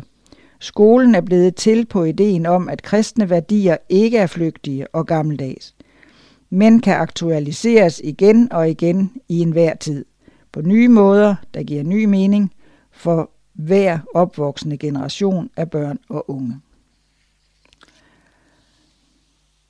Kom til jubilæum 2020 og 2021 sammen med din gamle klasse. Den første lørdag i september bliver der hvert år afholdt jubilæum på Vejlefjordskolen. I 2021 er det den 4. september. Jubilæumsdagen er åben for alle, der har gået på Vejlefjordskolen, men vi håber, at især jubilæumsholdene vil gøre noget ud af at mødes. 5, 10, 15, 20, 25, 30, 35, 40, 45, 50 års jubilæer osv. Det kræver ofte, at en eller to personer fra jubilæumsholdet gør et grundigt forarbejde med at indkalde klassen og måske flere gange minde om det kommende jubilæum. Jubilæumshold indbefatter både studenter, realister, 9. klasse og 10. klasse, preliminær, teologi, korrespondent, ægtefæller er også velkomne. Deltagelse i jubilæumsmiddagen kræver tilmelding. Dobbelt jubilæum. Sidste år måtte vi på grund af coronarestriktioner aflyse jubilæet. Det betyder, at vi i år indbyder både dem, der havde jubilæum i 2020, og dem, der har i 2021. Når vi lige nu våger at indbyde, skyldes det, at vi håber, at vaccinationsprogrammet er så udrullet hen over foråret og sommeren, at vi med et coronapas i hånden kan forsamles i større grupper igen. Hvis det mod forventning ikke bliver muligt alligevel, vil vi naturligvis give besked til alle tilmeldte. Derfor vil vi også gerne have en mailadresse, vi kan skrive til, hvis det skulle blive nødvendigt. Tilmelding kan som tidligere også ske kollektivt, når en klassekoordinator tilmelder sin klasse. Sidste frist for tilmelding er 27. august. Pris for spisning i forbindelse med jubilæet. Pris for frokost og eftermiddag er 130 kroner, som indbetales på forhånd på skolens konto. Registreringsnummer 9521, konto 60 12 647. Mærket navn, årgang og jubilæum. Husk at skrive navn og kort besked i beskedfeltet. Pengene kan også betales via mobile pay til telefon 40 523. Og her er så programmet for jubilæumsdagen.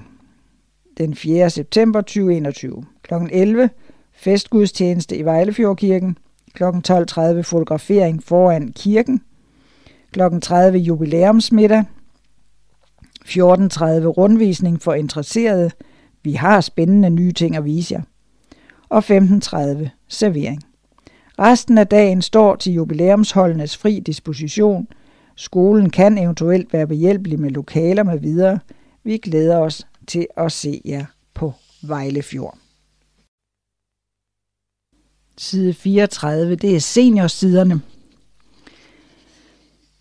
Det er Walter Hartmann, som er redaktør, som giver et tilbageblik på 70 år med Gud og hans venskab. Når disse linjer læses, er det 70 år siden, jeg første gang oplevede en adventistmenighed indefra. Jeg havde lige bestået realeksamen, var grebet af pastor Brobergs ligefremme og logiske måde at forklare Bibelens budskab på. Jeg havde sagt farvel til FDF og det kristne fællesskab, som jeg havde nyt som dreng og ungt menneske, og skulle nu til at vende mig til nye vaner og en helt ny forventning. Jesus ville snart vende tilbage for at hente sine venner hjem til et evigt liv hos ham. Kalenderen sagde juni 1951, og jeg lyttede sabbat efter sabbat til prædikner, der manede til eftertanke og bestemt ikke levnede rum for, at der ville blive et 2021, hvor mennesker ville undres og spørge, hvad handler alt det her egentlig om? Jeg undres også.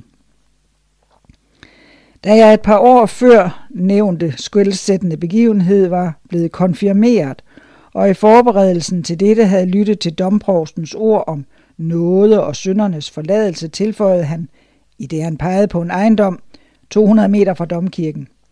Men spørger I adventisterne dernede, så regner de med at være de eneste, der får en plads i Guds rige. Naturligvis var bemærkningen ironisk, men den afspejler nok alligevel lidt af den holdning, som prægede datidens adventister. Kan det samme siges om nogle adventister i dag? 70 år gør en forskel, både hos personer og organisationer. Jeg mener stadig, at jeg træffede rette valg i 1951. Men jeg har bevaret min barnetro, der siger, mens vi stadig var tyranniseret af vores selvoptagethed, døde Kristus for os.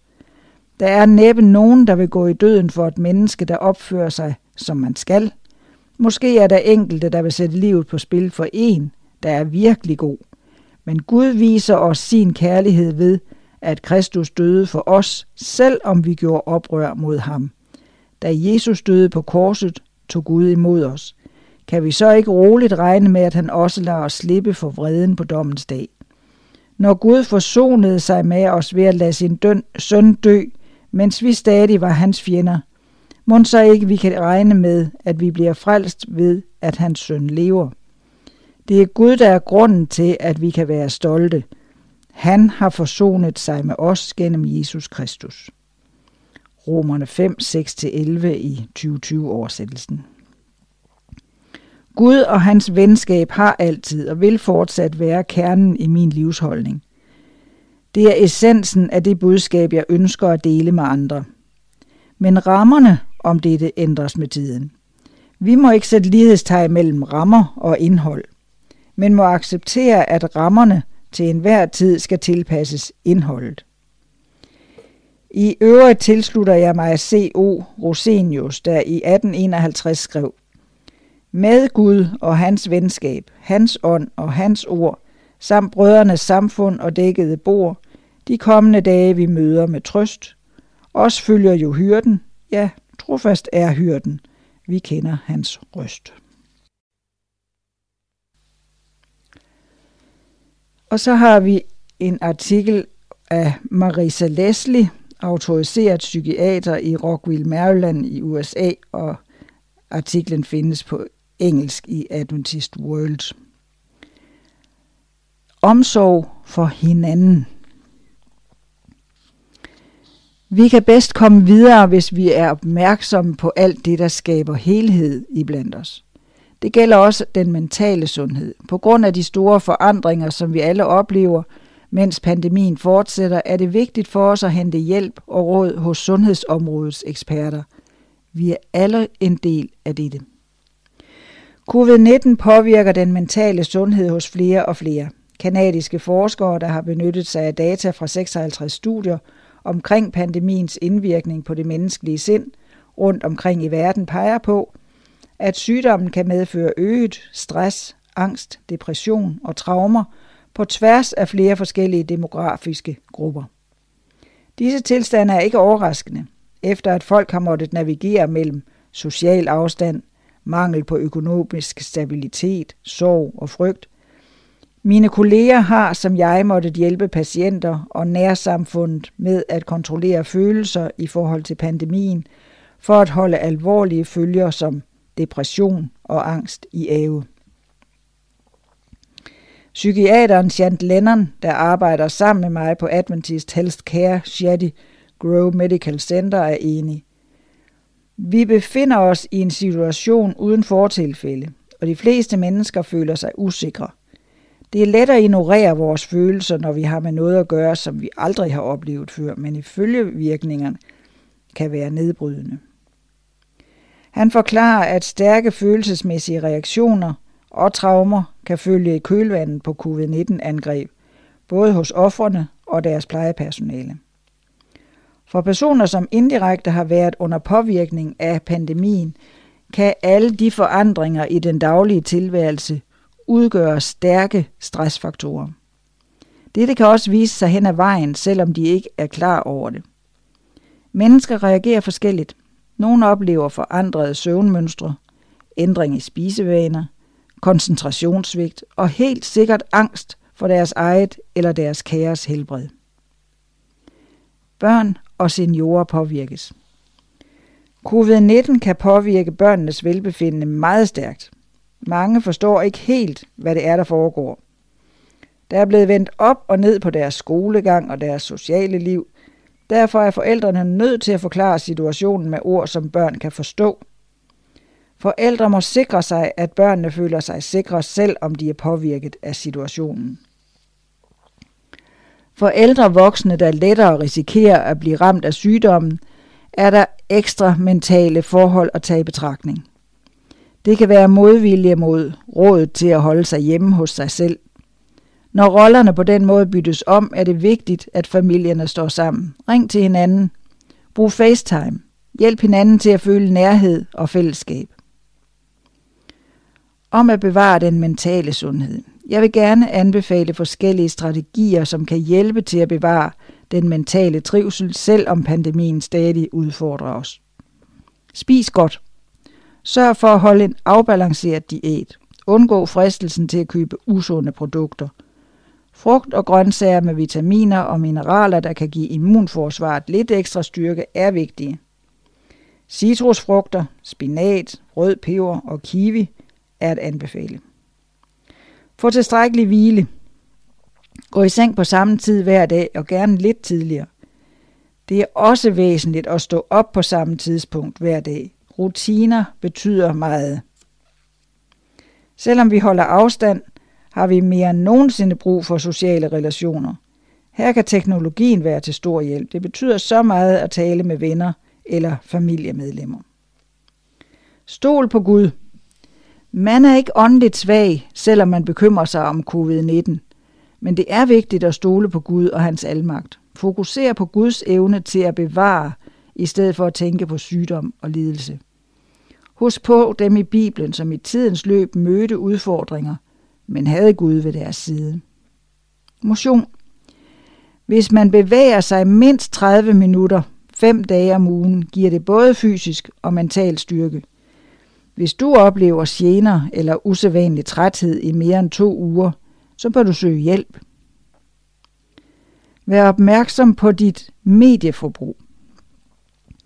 Alt for overdreven fokusering på nyhedsstof eller for mange blandede indtryk fra de sociale medier kan være med til at udløse stresssymptomer. Du må gerne holde dig informeret, men tag også tid til noget mere fornøjeligt. Bevar kontakten til andre. Selvom vi holder afstand, har vi mere end nogensinde brug for sociale relationer. Her kan teknologien være til stor hjælp. Det betyder så meget at tale med venner eller familiemedlemmer. Det vil gavne både dig selv og de andre. Hjælp til selvhjælp. Lav en liste over aktiviteter eller ting, der gør dig glad. Gør noget, der kan give dig håb og inspiration. Vær god ved dig selv. Tag dig ikke af alle de aktiviteter, som andre fortæller om på de sociale medier. Gør det, der føles godt for dig og din families velbefindende. Vær ikke bange for at bede om hjælp. Hvis du har brug for at tale med nogen om et eller andet problem, så hold dig ikke tilbage. Covid-19 er et fælles problem. Pandemien påvirker os alle, men vi skal ikke klare det alene. Derfor pas på hinanden. Og så side 37, skal vi mødes i Rom? En unik mulighed for friske, selvhjulpende seniorer. 21. til 28. oktober 2021 står Vibe og Knud Cabion klar til at guide os rundt i en af verdens mest spændende byer. Det vil vise os glemt af Roms enestående betydning for europæisk historie, kultur og religion. Du booker og betaler selv din rejse og dit ophold. Find en pakkerejse, der møder dine personlige behov. Vi hjælper gerne med forslag til hoteller, der ligger i nærheden af turens aktiviteter – det vil være fornuftigt at tegne en afbudsforsikring. Hver deltager bidrager til guide og adgangsbilletter med 1325 kroner, hvis man er EU-borger og fyldt 65, ellers øh, 1450 kroner. Fredag den 22. oktober kl. 10 mødes gruppen foran Colosseum til det første heldagsprogram. Hver dag frem til den 27. oktober kan du opleve Forum Romanum – med Platinerhøjen og Colosseum, St. Clementkirken, Laterankirken den hellige trappe, Peterskirken, Vatikanmuseerne med det Sixtinske kapel osv. Turen gennemføres, hvis mindst 15 personer ønsker at deltage. Der tages forbehold for coronasituationen. Der er plads til maks 20 personer. Tilmelding og indbetaling senest den 15. august til Seniorforeningens konto i Danske Bank. Registrering 1551, konto 6902 Spørgsmål om tilmelding og indbetaling rettes til Elisabeth Jalving på telefon 30 62 99 79 99 eller Elisabeth Hjalving snabelag mail.com. Og så er der andre ting, som du også kan sætte kryds i kalenderen til. Weekendstævne til efteråret. Den 12. til 14. november indbyder Seniorforeningen til weekendstævne på Kursuscenter Severin ved Middelfart. Programmet byder på inspiration, socialt samvær og generalforsamling med oplæg om foreningens fremtid. Nærmere oplysninger om program, pris og tilmelding følger. Og der er også et sommerstævne i 2022, tirsdag den 26. juli 2022 til søndag den 31. juli 2022, planlægger Seniorforeningen at indbyde til sommerstævne på Kursuscenter Severin ved Middelfart. Nærmere oplysninger følger. Og seneste nyt, Doris Køller Svendsen er indtrådt i Seniorforeningens bestyrelse, således at bestyrelsen nu består af Lennart Falk, formand, Elisabeth Jalving, kasserer, Inge Ålestrup, sekretær, Kai Bistrup og Johan Christensen, Marie Skovgård, samt Thomas Møller og Doris Køller Svendsen som unionens repræsentanter. Gaver til foreningens arbejde modtages fortsat med tak og kan indbetales til foreningens konto i Danske Bank, registrering 1551, konto 6902 154. Side 38. Men alle dem, der tog imod ham, gav han ret til at blive Guds børn. Og der er tre fine dåbsbilleder. Der er øh, to søskende, Barbara og Kasper. Der var fest i himlen og i Aarhus menighed sabbat's eftermiddag den 1. maj, i det Barbara og Kasper Gamborg valgte at følge deres frelser i dåben. I de smukke omgivelser ved Knudsø trådte bror og søster frem og bekendte, at de ønskede Jesus som herre i deres liv. Det er Thomas Rasmussen, der skriver det. Og igen, så har vi et andet øh, Benjamin, som også er blevet døbt. Langfredag var ekstra højtidelig Vejlefjordkirken i år, da Benjamin Eskilsen valgte at gå i dåbens vand. En fantastisk påmindelse om, hvordan Kristi død og opstandelse giver nyt liv til alle, der tager imod frelsens gave. Benjamin blev optaget ved gudstjenesten dagen efter i Vejlefjord menighed. Det var også Thomas Rasmussen. Og så har vi Marie Rose. Som afslutning på en god Kristi Himmelfartsweekend havde vi fornøjelsen af at byde endnu et medlem velkommen i Aarhus Menighed. Maria Rose valgte at følge Jesus i dåben og bekendte sin tro gennem sang for os. Vi ønsker Guds rige velsignelse. Og så har vi et bryllup. Det var Rebecca og Christian. Tro, håb og kærlighed, men størst af dem er kærlighed. Påskesøndag var noget helt særligt i Silkeborg Adventistkirke, da Rebecca Markusen og Christian Christensen gav hinanden deres ja. Med de nuværende restriktioner var det ikke muligt at fylde kirken helt op, men hvilsen blev streamet, så flere venner og den udvidede familie kunne følge med. Højtidligheden foregik stadig foran Gud og mennesker. Bruden havde også forberedt to-go-pakker til receptionen. Det var en mindeværdig dag. Parret var bos- har bosat sig vest for Silkeborg og er tilknyttet Lille Nørlund menighed. Vi ønsker stort tillykke og Guds velsignelse. Det var også Thomas Rasmussen. Og så har vi en barnevelsignelse. Det er Ian. Den 19. april havde vi barnevelsignelse for Ian Kabagera i Viborg menighed. Ian er den sidste i rækken af fire sønner, og er her afbildet sammen med sin far Dennis og sin mor Esperance. Vi ønsker hele familien Guds velsignelse. Og så har vi nogle runde fødselsdage. Vi har i juli måned har vi en 95 års fødselsdag. Niels Jørgen Nielsen i Nyborg, 95 den 3. i 7. Ditsi Thysen i Fredericia 90 år den 4. i 7. Gerda Schmidt Andersen 85 den 26. i 7. Arne Risom Kældal i Borup 80 år den 9. i 7. Bent Kær Daggaard 75 den 3. i 7. Niels Christian Rasmussen i Tors den 20. i 7. 75 år. Andreas Falk Byllerup Borg 70 år den 11. i 7. Bjørnar Ibsen, Kongens Lyngby, 70 år, den 30. i 7. Og i august måned, der har vi Eivind Bæk i Charlottenlund, 85 år, den 3. i 8. Inge Petersen i Præstø, 85 den 4. i 8. Ole Nielsen Allinge, 85 den 10. i 8. Vera Nielsen i Holstebro, 85 den 16. i 8. Hans Joachim Seltenheim i Tikøb, 80 år, den 13. i 8. Antonio Pagliu Uka i Stubekøbing, 80 år den 28. i 8. Erling Aldenfeldt i Storby, 75 den 3. i 8. Else Christine Poulsen Køge, 75 3. i 8. Leni øh, Bente Keldal i Borup, 75 den 12. i 8. Henning V. Poulsen København V, 75 den 20. i 8. Elisabeth Victoria Holm i Hoksund, den 75 den 24. i 8. Anker Køller, Hundested 70 år, den 20. i 8. Og jeg skal lige sige, at runde fødselsdag fra 70 år bliver annonceret i Adventnyt, hvis vi kender din fødselsdato.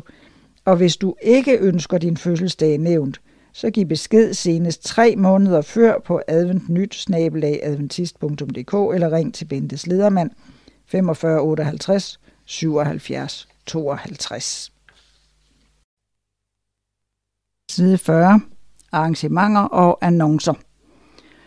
Og her er først en øh, omtale eller annonce, jeg ved ikke rigtig, hvad man skal kalde det. Det er fra i hvert fald en bog, som Bibelselskabet har øh, udgivet. Det er en ny bog om etiske dilemmaer mellem religion og samfund. Ny debat og fagbog ruster læseren til at finde, vurdere og argumentere for egne etiske grænser i krydsfeltet mellem religion og samfund, når tro kommer på tværs. Hvad gør lægen, når patienten vil overlade helbredelsen til Gud? Skal menuen i børnehaven både leve op til dansk madtradition og til gode se religiøse behov? Det er spørgsmål som disse, Jakob Birkler undersøger i sin nye bog, Når tro kommer på tværs. Det sker under fire overskrifter. Seksualitet, sundhedsvæsenet, familie og børn samt det sociale. Og så får læserne til med en lynguide i håndtering af etiske dilemmaer.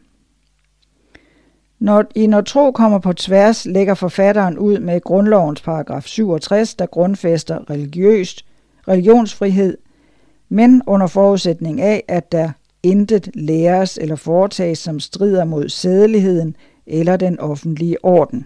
Jakob Birkler siger, det etiske dilemma opstår, når vi skal definere, hvor grænsen går. Må jeg bede aftenbøn? Her vil de fleste svare ja selvfølgelig. Men ændrer vi spørgsmål bare en lille smule, hvis svarene ændrer sig, må jeg bede i arbejdstiden? Må jeg lade mine børn omskære og gå i en skole, der fornægter evolutionslæren? Her deles vandene. I bogen vil såvel præsten, læreren og sygeplejersken som den samfundsinteresserede læser blive udfordret og finde stof til eftertanke. Samtidig er den velegnet til undervisningsbrug på for eksempel pædagog- og lærerseminariet og sundhedsuddannelserne. Og så her lidt om forfatteren. Han er født i 74, er filosof, debattør og forfatter. Han var formand for det etiske råd i 2011-16 og har blandt andet skrevet Etik i ældreplejen i 2017 og Den umoralske politiker i 2018 og Etik en grundbog i 2019. Og det er Kile Bibelselskabet, en ny bog om et etisk dilemma. Og så er der noget med nyt fokus, med coronafokus. Det har vi talt om tidligere her i bladet. Et særnummer af Nyt Fokus med coronasituationen som omdrejningspunkt er udkommet.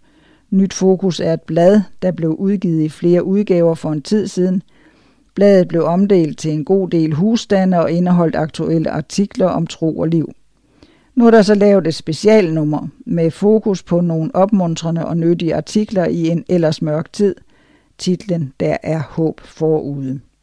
Bladet omdeles enkelte steder i Danmark, men du kan også både læse og hente bladet som en pdf-fil på adventist.dk. Og så er der webkirke.dk, tro, kærlighed, rummelighed og nærvær. Når coronatogen engang er lettet, vil webkirke stadig være vores digitale kirke. Projektet har bevæget sig fra at være en erstatning for lukkede kirker til at være en kirke online. Et tilbud til alle troende eller søgende uanset kirkelig baggrund. Adventistkirken har meget at byde på, og vi ønsker at være med til at udbrede og styrke troen på Kristus, at invitere til samtale omkring Bibelen og at tilbyde et online fællesskab til ensomme og syge eller mennesker, som af andre årsager ikke finder vej til en fysisk kirke. Vores mission er at være et åbent, trosopbyggende fællesskab, der formidler den bibelske fortælling om Gud. Og så er der noget om et seniorstævne. Den 20. til 25. juli 2021, Hurdalsjøen Hotel i Norge. Og hovedtaler er Sigve og Serane Tonstad. Og priserne det er enkeltværelse 4.100 kroner og dobbeltværelse 3.900 per person. Og hertil kommer eventuel deltagelse i udflugter og transport for deltagere, der benytter fly fra Kastrup eller Bilund, arrangeres der bus fra Gardermoen Lufthavn tirsdag kl. 16. Det koster 100 kroner per person. Plads reserveres samtidig med tilmelding. Og tilmelding, sidste tilmeldingsfrist den 10. juni. Der skal ikke indbetales depositum, men betaling aftales med Elisabeth Jalving 30 62 79 99. Og så er der en rettelse til Eduardo Folsters artikel fra Advent Nyt 2. Det er en velsignelse at være gæst i Israels hus. I artiklen er der to forklarende fodnoter, som redaktionen har tilføjet med forklaring af henholdsvis partikularis partikularisme og universalisme. De er forklaret ud fra definitioner på henholdsvis Wikipedia og det store danske. Edvardo Folster har bedt os gøre opmærksom på, at det ikke er hans fodnoter med følgende forklaring. Forfatteren bruger ikke ordene partikularisme og universalisme i forbindelse med definitioner i slutnoter nummer 2 og 3. Han bruger dem på en generel måde. Det er meningen, at læseren forstår disse to ord i forbindelse med pagtens dynamik, som forfatteren forklarer på denne måde i teksten. Jeg udvælger dig og ikke andre, men jeg udvælger dig til fordel for de andre. Inspiration, fordybelse og tro. Det er Bjørn Ottesen, som er leder for evangelisme. Book en offentlig mødeserie. Overvejer I at invitere nabolaget til et arrangement i jeres kirke? Der ligger en vifte af korte mødeserier klar, som bare venter på at blive booket. Ideen er, at man i et tæt forløb holder fire arrangementer, som menighedens opland bliver inviteret til. Formålet er at tilbyde et relevant fællesskab. Den lokale menighed kan invitere en gæst for eksempel hver anden måned, så der kontinuerligt foregår noget, som man tilbyder nærområdet. For at skabe relationer kan det være en god idé at tilbyde en let servering efter hver foredrag, med mulighed for en god samtalestund eller spørgsmål og svar. Vi har et katalog over 13 forskellige temaer, for eksempel om familierelationer, hvordan man læser Bibelen, åndelighed hos børn og voksne, Jesus i det gamle testamente, en personlig koncert, hvem Jesus var, intelligent design og meget mere. Kataloget er sendt til alle præster, så kontakt menighedens præst og planlæg i menigheden eller i bestyrelsen, hvilke udadvendte tilbud jeres menighed kunne tænke sig. Det er op til den enkelte menighed at aftale tid med foredragsholderen. Vi håber, dette bliver en god ressource for menighederne. På sigt planlægger vi at udvide udbuddet af oplæg fra præster og medlemmer. Side 42. Personen skal lyde, og de døde skal opstå. Det er dødsannoncer. Paul Carlsen. Onsdag den 14. april sov Paul Frejlev Carlsen ind på Solbakken i Randers i en alder af 97 år. Han blev født i Sæsing i Vendsyssel den 23. maj 1923 som nummer 9 i rækken af 12 søskende. Livet var barskt i de første år, og tidligt måtte han ud at tjene. Over årene skabte han sig en nedbrydningsvirksomhed, hvor tilkom et savværk og en dør- og vinduesfabrik og senere køkkenelementer. Han var dygtig og respekteret i sin omgangskreds, men det, der kom til at kendetegne hans liv mere end noget andet, var hans faste tro på Gud og hans interesse for kirkens arbejde. Som ung kom han til at bo hos Bulls i Børsten, Børstenbinderiet i Sæsing. Her lærte han adventbudskabet at kende. Han blev døbt af Hakon Mudersbak den 1. maj 1943, og nogle år efter, den 4. oktober 1950, indgik han et livslangt ægteskab med Mie. Inden Mie døde sidste år, nåede de at fejre jernbryllup. Deres liv blev i stor grad knyttet til menigheden i Østervrå, hvor Paul var en afholdt og omsorgsfuld forstander. Paul var udadvendt og kom i kontakt med mange mennesker. Han var kendt for at hjælpe dem, der havde det svært.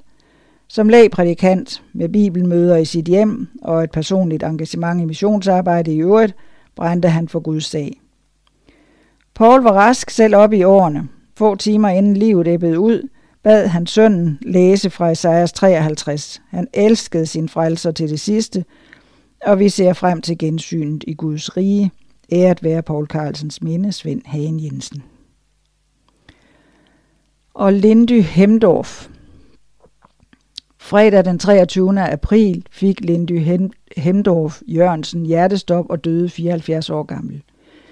Lindy var ikke medlem af Adventistkirken, men studerede Bibelen og havde udtrykt ønske om at blive døbt. Han var opvokset i et strengt adventisthjem i Vejle og var i 1960 et år på Vejlefjord Højskole. På det tidspunkt var der ikke noget, der tiltrak ham ved kirken. I maj 2017 fik jeg pludselig et brev fra Lindy, hvor han fortalte, at han var i gang med kurset Nyt Fokus i korrespondanceskolen, og der var noget der, der havde rørt ham. Det udviklede sig til en brevveksling over flere år og personlig kontakt. Han begyndte at komme i Vejle Menighed og senere i Horsens. Han havde fundet en CD frem af Walter Hartmann, som han lyttede meget til og som gav ham god indsigt i adventbudskabet. Lindy havde haft et svært liv, og da han for, nogle, for år tilbage havde vendt sig mod Kristus, gik familielivet også i stykker. Både Robert Svendsen og Tue Vesting blev involveret med besøg og omsorg. Coronasituationen satte de personlige besøg med samtaler om Guds ord såvel som kirkegang på pause. Lindy havde en klar forventning om Jesus snare genkomst, og vi ser frem til gensynet i Guds rige. Vi ønsker fred over hans mene. Svend Hagen Jensen og Svend Hilt fra Faxe døde i sit hjem på Søndervang Plejecenter den 30. april 2021. Svend blev født den 10. maj 1930 i Toreby på Lolland, hvor han voksede op hos Esther og Jørgen Jensen som ældste barn i en søskende flok på fem. Livet på landet, som han voksede op i, slap han aldrig. Han blev gift med Eva Vesterlund, og de slog sig ned på en gård i Flintinge på Lolland, men Svend var på udkig efter en bedre gård, og efter nogle år flyttede de til Horslunde ved Vestlolland. Da børnebørnene kom til at voksede op hos Stjernen der Sten Schipstad på Falster, trak de mere end jord. Og Svend og Eva fandt nogen gård på Falster, hvor de blev til pensionsalderen. Efter nytår 2021 flyttede Svend og Eva til Søndervang i Faxe. Svend vil blive husket som en imødekommende, positiv og hyggelig mand, der havde sine meninger, men som ikke var en mand af mange ord. Han var altid hjælpsom. Han stortrivede sammen med børn og børnebørn og oldebørn, og sammen med Eva havde de deres stærke tilknytning til menigheden i Nakskov og Nykøbing Falster. De senere år blev helbredet slidt, og Svend døjede med svagheder i kroppen, men hans tanker var friske, indtil han sov fra nattens søvn og ind i dødens søvn. Svend blev bisat fra Adventkirken i Faxe den 7. maj og han efterlader sig Eva, børnene Janet og Leif og børnebørnene Bianca og Annika med deres familie. Æret være Svends minde, Karl David Andreasen. Side 43. Det er kollekter, og den 3. juli er, går kollekten til Sabus. Og det er Dorte Thyregod Svendsen og Jonas i Alving, der skriver. I den kommende tid vil Sabo søsætte et nyt digitalt missionsprojekt henvendt til unge i og uden for kirken. Vi ønsker at vokse som online fællesskab og bruge denne hidtil uudforskede platform som en måde at nå bredere ud og ramme en større del af vores målgruppe, så flere kender os og vil være en del af vores fysiske fællesskab. Konkret betyder det, at vi i sensommeren som det første lancerer en ny YouTube-kanal – hvor vi laver indhold til og med unge, der giver plads til at grine, til at undres, til at udfordres, til at blive inspireret og til det åndelige. Desuden får vi bedre mulighed for at streame arrangementer, såsom ungdomsgudstjenester og lignende fra hele landet. Sabus vil igennem indholdet på kanalen vise, at Gud rummer alle vores følelser og tanker.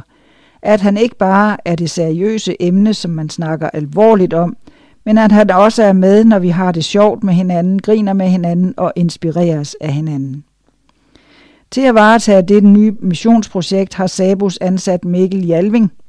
Mikkel afslutter sin kandidat i europæiske studier i Aalborg til sommer og flytter derefter til Hedensted for at arbejde på Sabus kontor på Vejlefjord. Vi glæder os til at byde Mikkel velkommen som en del af Sabus teamet. Udover en YouTube-kanal får vi også mulighed for at producere podcast blandt meget andet medieindhold. Det nye øh, digitale medieunivers kræver en god del teknisk udstyr, som kan sikre, at vi når ud til det bredest mulige skare af unge mennesker. Derfor går kollekten den 3. juli til at købe udstyr og inventar til et nyt lyd- og filmstudie, som vil være omdrejningspunktet for det nye digitale medieunivers. Vi er meget taknemmelige for netop dit bidrag. Og så er der kollekten den 7. august, det går til Adventnyt.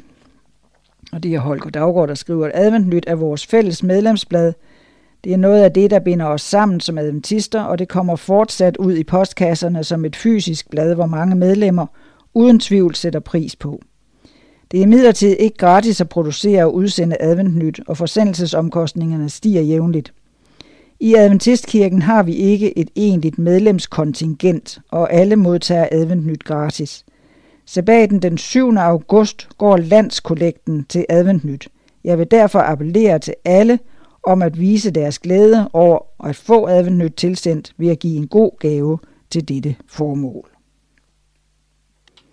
Og så har vi kalenderen. Den 27. juni til 4. juli er der børnelejr på Himmerlandsgården. Den 12. juli deadline for materiale til adventnyt nummer 4. Den 16. til 18. juli forlejr til Teen Camp Himmerlandsgården. Og den 18. til 25. juli er der, er der så Teen Camp på Himmerlandsgården. Den 18. til 23. juli er der Impact i Jules Minde. 20. til 25. juli er der seniorstævne i Norge. 22. til 23. juli Adventistkirkens generalforsamling på Vejlefjordskolen. Og den 23. til 25. juli er der forlejr til spejderlejren på Himmerlandsgården. 25. juli til 1. august er der så spejderlejr på Himmerlandsgården. Den 16. august udkommer det nye adventnyt nummer 4, og den 30. august er der deadline for materiale til adventnyt nummer 5. Hold dig opdateret på adventist.dk-kalender eller sabus.dk-aktiviteter. Og så har vi bagsiden, som er en hilsen fra formanden. Hvordan hilser man på hinanden? Du kender det sikkert også. Hvordan hilser man egentlig på sine forældre eller bedsteforældre, som man ikke har set i flere måneder? For godt et år siden var det ikke noget, man overvejede. De fik for eksempel selvfølgelig et stort klem, når man mødtes. Men nu er man lidt mere forsigtig og ved ikke rigtigt, hvad normalen er. I over et år har vores hverdag været under forandring, og nu er vi i fuld gang med at åbne vores kirker og åbne for flere møder og besøg. Der er ved at opstå en ny normal. Pludselig er det en selvfølge at tage mundbind på, holde lidt ekstra afstand og naturligvis spritte hænderne af, når man træder ind i kirken. Tænk sig, hvor store forandringer der er sket på ganske få måneder. Det er ikke kun den måde, vi omgås på, men jeg har flere gange de seneste måneder oplevet en langt større åbenhed over for hinanden. En åbenhed, hvor man ikke er bange for at gøre sig sårbar og fortælle, at det i de seneste måneder har været hårdt at være alene, eller at jeg savner fysisk kontakt med andre mennesker, eller at jeg savner mine kolleger og fællesskabet på arbejde. Det er godt og sundt, at fortroligheden mellem os vokser, og at vi tør dele mere fra vores hverdag. Både de gode dage og de mindre gode. Mange af os har tilegnet os nye hviledagsvaner, hvor man har taget en stille formiddag hjemme og tændt for både webkirke og måske endda stadig i nattøjet, og nu kalder fællesskabet i kirken igen, og sammen skal vi finde ud af, hvordan den nye normal i kirken skal se ud. Lad os benytte anledningen til at gennemtænke vores hviledagsvaner og tage det bedste fra coronatiden med os og kombinere det med det bedste fra tidligere. Men det kræver, at du byder ind og deltager i en bedre samtale om for eksempel hviledagsvaner, så glæden og begejstringen for hviledagen og fællesskabet i kirken vokser, og bliver til glæde for andre, når vi spreder håbet og ikke smitten. Det er Adranyt. Fødselaren blev opslugt af Afrika. Programkoordinator Laura Nygaard Nielsen er netop fyldt 40 år. Og om lidt har hun arbejdet for Adra Danmark i en femtedel af sit liv. Laura bor med sin familie i København og er gift med Jasin og har tre små drenge. Under opvæksten kom hun i Adventistkirken i Faxe, og i dag går hun med familien i Cafékirken på Frederiksberg. Laura blev kandidat fra Roskilde Universitets Center, altså RUK, i 2008 i kommunikation og psykologi. Siden hun startede i ADRA, har hun haft ansvar for organisationens udviklingsprogram i Uganda. Hvordan er dit syn på verden som 40-årig sammenlignet med dengang du var pur ung? Da jeg som 19-årig rejste ud på dannelsesrejse, havde jeg en lidt naiv forestilling om, at jeg kunne ændre verden. Da jeg senere begyndte at arbejde professionelt med hjælpearbejde, indså jeg kompleksiteten. Derfor kan jeg godt lide, at vi i ADRA arbejder med langsigtet udvikling, som kræver styrkelse af civilsamfund og strukturelle og politiske forandringer. Man kan sagtens have konkret betydning for mennesker ved at arbejde på et børnehjem eller dele gratis tøj ud, men det ændrer ikke verden. Jeg er stadig idealistisk, men er blevet mere ydmyg om min egen rolle. Hvorfor valgte du at beskæftige dig med hjælpearbejde? Inden jeg startede på min kandidat, fik jeg mulighed for at komme i praktik i Uganda. Her skulle jeg evaluere på et udviklingsprojekt om behavioral change, hvor unge var målgruppen. Under mit ophold blev jeg opslugt af landet og kulturen, og Afrika fik og fik smag for hjælpearbejde. Det mest fascinerende ved at beskæftige sig med udviklingsprojekter er, at du skal arbejde med mennesker fra en anden kultur, og at du får lov til at opleve, hvordan Adras arbejde gør en forskel i menneskers liv. Hvorfor er du blevet i Adra i så mange år? Fordi jeg har rare og dygtige kolleger, og fordi Adra Danmark er en god arbejdsplads, hvor jeg har indflydelse på mit arbejde og på organisationen i det hele taget. Selvom jeg rejser en del og i perioder har travlt, hersker der i Adra et udtalt ønske om, at medarbejdernes familieliv skal hænge godt sammen. En måneds hårdt arbejde gør underværker. En måneds lønarbejde gennem Adras Cash for Work projektet i Yemen har givet 45-årige Fatum Abu Baker penge nok på lommen til at starte sin egen virksomhed. For at nå dertil har kvinden, der er enke og mor til fire døtre, og ydermere forsørger fem børnebørn, ryddet affald væk fra gaderne i byen Aden. Adra har gennem flere år tilbudt civilbefolkningen løn for at fjerne affald fra gaderne, inden dyngerne når at udvikle sig til smittebomber af kolera, malaria og difteri. Helt konkret engageres både lokale beboere og internt fordrevne flygtninge i oprydningskampagnerne. De fjerner murbrokker, fejrer gader, renser afløb, indsamler og bortkører affald, samt foretager basal vedligeholdelse af veje. Affaldsdyngerne burde være forsvundet med hjælp fra myndighedernes skraldebiler, men krigen i Yemen er også gået ud over almindelig infrastruktur og offentlig service. Fatum tjente 220 dollars gennem Adra og er nu blevet selvstændig forretningsdrivende. Hun opkøber tøj i butikkerne og går fra dør til dør for at sælge klæderne til en god pris. Lønnen fra Adra fungerer som startkapital. Børnene konstant alene hjemme. For inden har Fatum haft et langt, hårdt arbejdsliv med flere jobs om ugen. Det startede, da hendes mand døde. Gennem 16 år arbejdede jeg som husholderske i dagtimerne for at kunne forsørge mine døtre. Jeg var nødt til at lade mine børn være alene hjemme, mens jeg knoklede for pengene. Det var smertefuldt for mig, men jeg havde intet valg. Når jeg kom hjem, tilberedte jeg lette måltider for at gå ud og sælge dem ved aftenstid, fortæller Fatum. Efterhånden var de to indtjeningskilder ikke tilstrækkelige. Leveomkostningerne steg fra dag til dag, blandt andet på grund af hyperinflation i det krigshærede land. Derfor tog Fatum et job som sælger for tøjbutikker. Ved at gå ud fra butikkerne og sælge tøjet ved kundernes boliger, fik hun kommission. Men det var stadig ikke nok. Levede op til udvælgelseskrav.